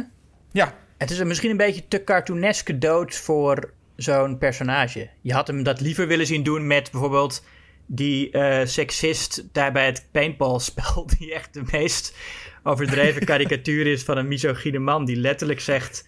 Should have stayed in the kitchen where she belongs. Women shouldn't be allowed in this game. Als hij dubbel gevouwen was, was dat, had je gezegd... nou, dat is wel een, een, dood die past bij het personage. ja, maar het zit Maar wel die in... sheriff, dat is inderdaad, ja. Ik ben wel blij dat, het, dat ze er toch voor gekozen hebben. Want ik, ik ben, anders ze hadden ook van hem ineens dat zo'n ultra dramatisch slow motion dood kunnen maken. Maar ik vind het wel fijn dat hij gaat sterft. Gewoon in de lijn van hoe iedereen sterft in die film. Want iedereen sterft gewoon op een hele lompe, half komische manier. ja. En dat is ook het meisje in de, in de, in de camper. Eh, dat is iets terug in de film. Waarbij het meisje met, met een gezicht door een muur gedrukt wordt. En eh dan krijg je ook zo'n, zoiets. Dat, die, die jongen, moest ik ook wel om lachen. Die jongen zit dan te, eh, is, rijdt in zijn. die speelt een stukje Alice Cooper. En die rijdt. Ja, laten we even naar het begin van die scène, want ik vind die hele scène eh, moeten we even over praten. Oké, dus we beginnen even dat ze, dat ze liggen te rampetampen. Ja, liggen. eh, zij zit op hem te dansen, Ja, ritmisch, ja. min of meer. En het, wordt het, wordt seks, wordt seks gesuggereerd, maar volgens mij was het zo dat het eigenlijk de bedoeling was om gewoon echt een seksscène te doen, maar dat, dat de acteurs dat niet wilden en dat de regisseur heeft gezegd van nou is goed. Eh, dan, moet je, dan doen we het zo. Ja, dit is ook de enige Friday the 13th of een van de weinigen waar geen, eh, geen naakt in te zien is. Ja. Ehm, maar goed, dan zit ze dat te doen en dan zegt zij tegen hem al: eh, You're the best. Dat je denkt van, oh, nou, die heeft ook weinig meegemaakt in haar leven. en dan zegt ze iets van: You gotta keep it up till the end of the song. En dan vraagt hij hoe lang dan? En dan zegt zij 10 minuten. Dus, dat, en het, dus dat, dat, dat liedje waar ze naar luisteren, en van het Dom Popnummer, is blijkbaar een epos van 10 minuten. Eh, maar dan zijn ze klaar en dan gaat hij inderdaad in, in die camper rijden. En dat vindt hij echt te gek. Nee, maar is precies. En dan zit hij in die camper, gaat hij rijden. En dan, dan, dan eh, eh, met, met een stukje Alice Cooper. En dan roept hij de hele tijd tegen zichzelf: Oh, I'm having such a good time. Ja. Het is wel leuk. Als, hij, heeft zo, hij heeft zoveel plezier. En er is ook helemaal niks Ja. leuks aan, want hij rijdt gewoon in een camper. Eh, maar Ja, hij is gewoon een leuke tiener die, die, die rijdt. in- Hij heeft nooit in een camper gereden. Hij zegt toch ook iets van: I always wondered what it would be like to, to drive your house of zo. je moet je ook voorstellen dat je als tienerjongen... eh, eh, dat je seks kan hebben met een meisje... maar dat je daarna volgens een stukje in een camper mag rijden... en dat je dan zegt, oh, I'm having such a good time. En dat vindt hij helemaal Ja. geweldig. En zij wordt alle kanten op geslingerd. En dat Ja, is... en dan, en dan roept hij. Oh, so- sorry. Nee, ja, dan, en dan wordt eh, Jason is dan ook in die camper, dus die, die begint haar ook. En ze schreeuwt ook echt. Het is niet dat Jason Ja. het helemaal kan. Hij ze schreeuwt en alles valt om. En dan gaat hij iets roepen van: eh, ben, je aan het poepen of zo? Ja, sounds like you're having a dump back there. Ik weet niet of hij weet hoe dat klinkt, maar dat is niet goed. Denk Maar ik. sowieso dat je dat roept. Ja, nou ja het is. eh, Ja, maar goed. Oh, nee, die- eerst, nee, eerst zegt hij: Sound like you're having fun back there. En dan zegt hij: What are you doing? Taking a dump? Ja, precies. Eh, eh, met, met, met, waar je toch duidelijk hoort dat er een hoop geschreeuw, wordt geschreeuwd. Ja. Maar sowieso zijn mensen in deze film. eh, graag praten ze over mekaars lichaamsfuncties. Want op een gegeven moment neemt Megan de telefoon op op het politiebureau. En dan vraagt iemand: Waar is je vader? En dan zegt ze: He's draining his lizard. Maar goed, terug naar de camper. Terug naar de camper. nou ja, eh, wat, wat ik al zei, het, is, het ziet er gewoon ook heel cool uit. Zo'n camper die over de, eh, de- de- op de kant eh, vliegt.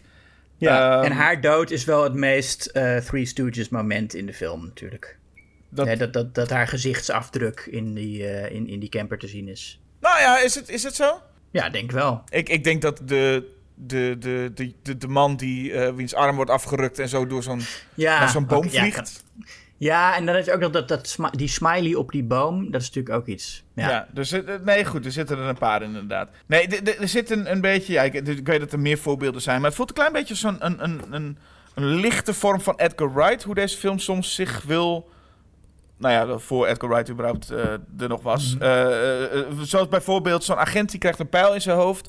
Meteen het shot daarna is een dartboard. En dat, die hangt gewoon op een deur en die deur wordt opengeslingerd.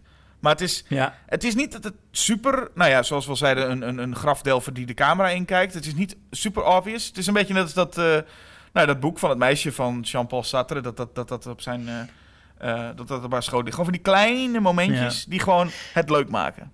Ja, dat zijn grappen waar ik geen probleem mee heb hoor. Dat is niet wat ik bedoel als ik, als ik klaag over de toon van de film. Maar die zat natuurlijk ook in deel 2. Want deel 2 heeft natuurlijk het bekende scènetje... Muffin, het hondje dat bij Jason eh, staat. En het eerstvolgende wat je te zien krijgt is een, de hotdogs op een grill.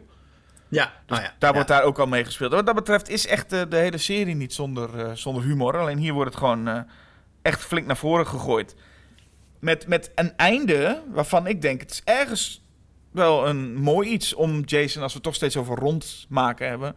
eh, dat Jason ook naar het meer terug, terug moet. Ja, Eh, dan heb je weer zo iemand.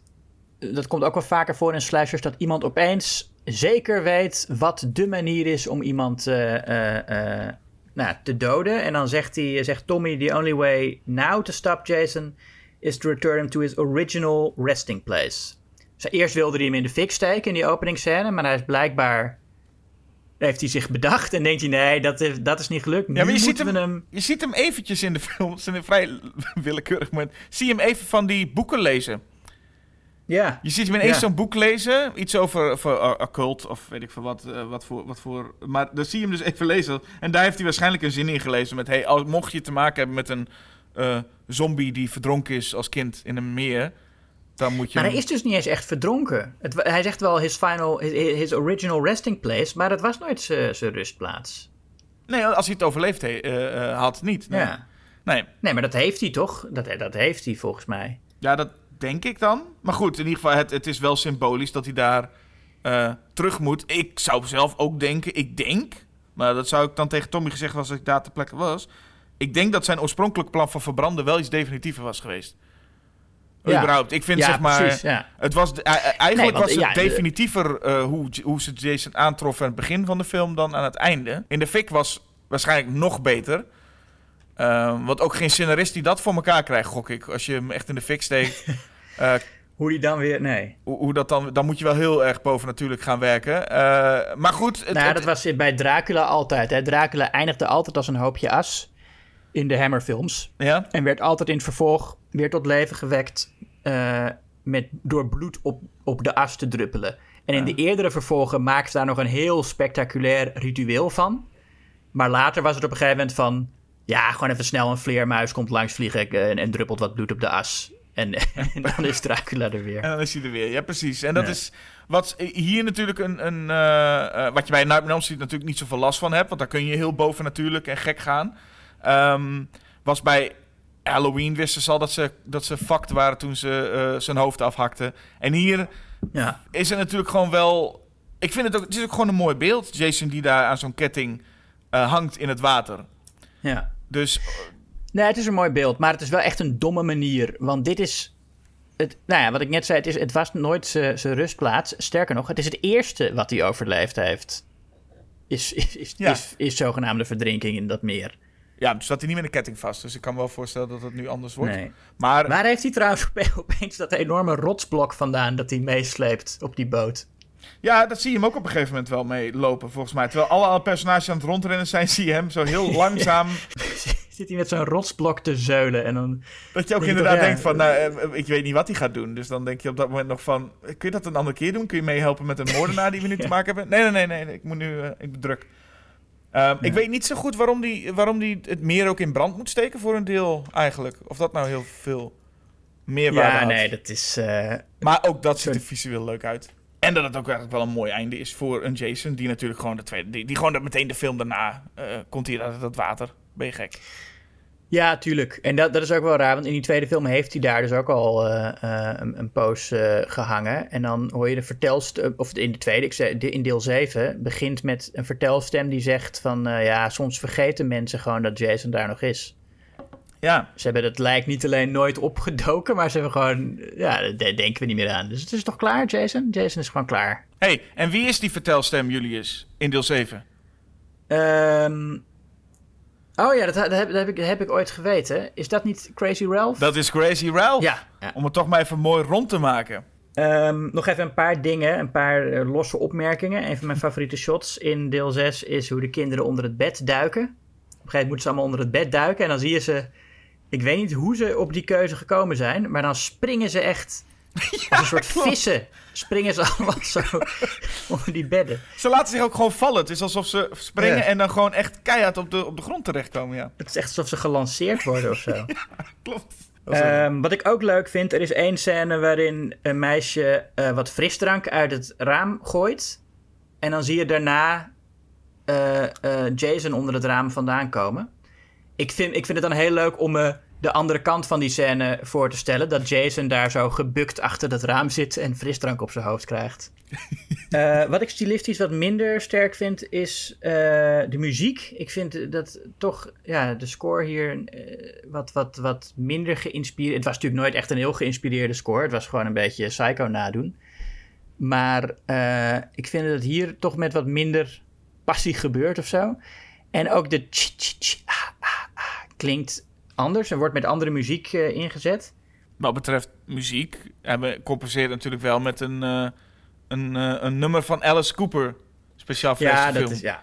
Met ja. he's, he's back, the man behind the mask.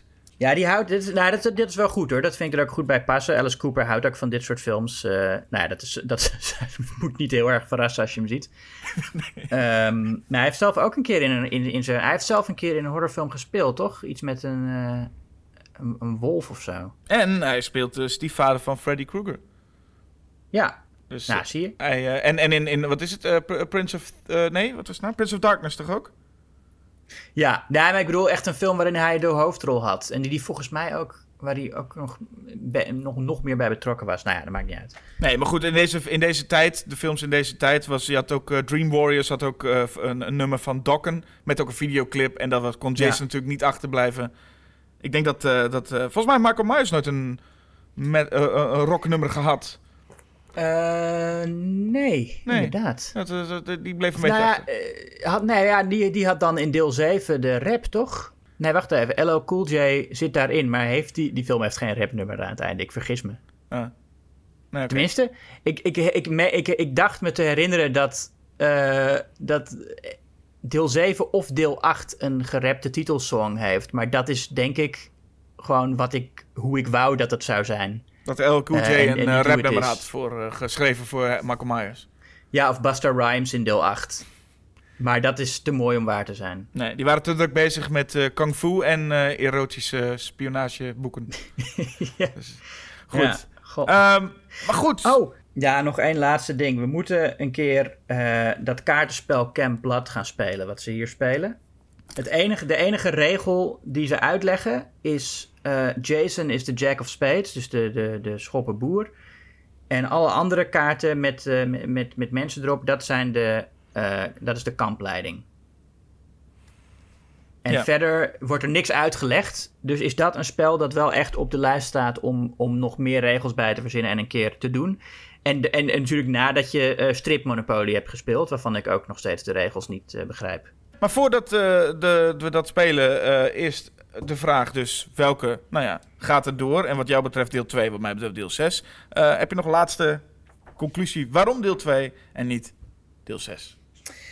Eh, ja, ik vind dat deel 6 dus echt gewoon niet meer eh, Friday the 13th is zoals ik, het, zoals ik ervan heb leren houden. En het is, het is natuurlijk een prima film en ik kijk hem ook nog wel graag en hij is, eh, hij is leuk. En ik bedoel, voor een Friday the 13th film is het best oké. Maar ik vind hem wel echt de minste van de eerste zeven. Misschien zelfs wel van de eerste acht. Ehm, ja, ja die, die hippe, ironische toon, die, die, die bevalt me niet, Jasper. En hij, hij mist dat, dat eh, beetje gritty, ranzige randje... dat eh, ja, toch vooral in die eerste twee zit. Wat, wat deel 3 ook een beetje ontbeert... maar daarom staat deel 3 ook niet hoog op mijn lijst...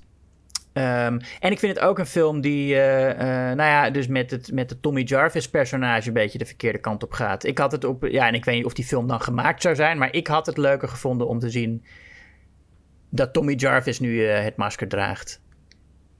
Ik begrijp, begrijp, dat, begrijp ik wel. Ehm, alsnog vind ik dus dat als je dus met Tommy Jarvis verder gaat op deze manier als held, hebben ze, wat mij betreft, met Jason is wel echt de beste keuze gemaakt. Ik hou juist van die ironische toon. Ehm, niet dat ik niet hou van, want ik vind eh, dat Friday the 13 2 staat hoog, wat ik al zei, in mijn lijst van, eh, van andere Friday the 13 films. Eh, dus daar hou ik ook van. Maar ik vind wel dat als je bij een deel 6 zoiets extra's weet toe te voegen. En een, een, een zesde film in een reeks nog lekker fris weet laten voelen. Dat vind ik, eh, vind ik wel echt de moeite waard. En, en eigenlijk dus. Ik vind hem gewoon het allerleukste om te kijken. En Hm. ehm, dat, dat, ik had dat eerst met Final Chapter. Dat, die stond altijd op nummer 1 bij mij. Eh, die heb ik toen een keer teruggekeken. dacht ik, ah, het is toch niet 100% de beste, wat mij betreft. Maar het, het is een. een, een ehm, ik weet niet, ik, qua toon vind ik hem. Vind ik dat, dat Tom McLaughlin echt hele, hele leuke, goede dingen doet. Ehm, maar daarom vind ik het ook gewoon een van de leukste filmreeksen. Ook al zijn de films niet eh, allemaal mega goed. eh, kan ik van elke film eigenlijk wel iets vinden waar ik blij van word als ik het kijk. Ja. ja, voor mij is het vooral eh, ook leuk om met die tieners te hangen. En als het een beetje leuke tieners zijn, is dat leuker. En, en, en, en als ze een beetje losse dialogen hebben en het een beetje los overkomt en zo. En ik vind ook, ja, we hebben nog niet eens over iedereen gepraat in al die films. Maar die gast in deel 2 die op Tom Waits lijkt, met dat petje. Eh, dat, dat vind ik ook een leuke gast. En, en dat soort mensen heb je in, in deel 6 ook niet zoveel. Er zitten heel veel personages in die, die maar één scène hebben waarin ze doodgaan. En, geen, en heel weinig die je echt eh, leert kennen voordat ze sterven. Maar als je ze leert kennen, dan weet je wel dat ze het ontzettend leuk vinden om in een camper te rijden. Ja, Nou, ja leren kennen is natuurlijk een, een, een betrekkelijk begrip als het op, eh, op, op, de, op jaren 80 slashers aankomt. Maar ik bedoel dat je gewoon een, een paar scènes met zo iemand en een paar dingen over ze weet. Van die Mark zit in een rolstoel en daar wil hij uit. Nou ja, eh, dat voegt toch, voegt toch echt iets toe voor mij. En ehm, ja, in, in deze zit dat eigenlijk nauwelijks. ja. Maar goed, dan is de vraag en, en, en dan eh, wat eh, de luisteraar zou vinden. En, eh, Ja, nou ja, daar gaan we, ja. Ja, en je, moet, je, je- zou eerst moeten kiezen. Gooi, je- ga je voor Friday 13 deel 2 of ga je voor Friday 13 deel 6?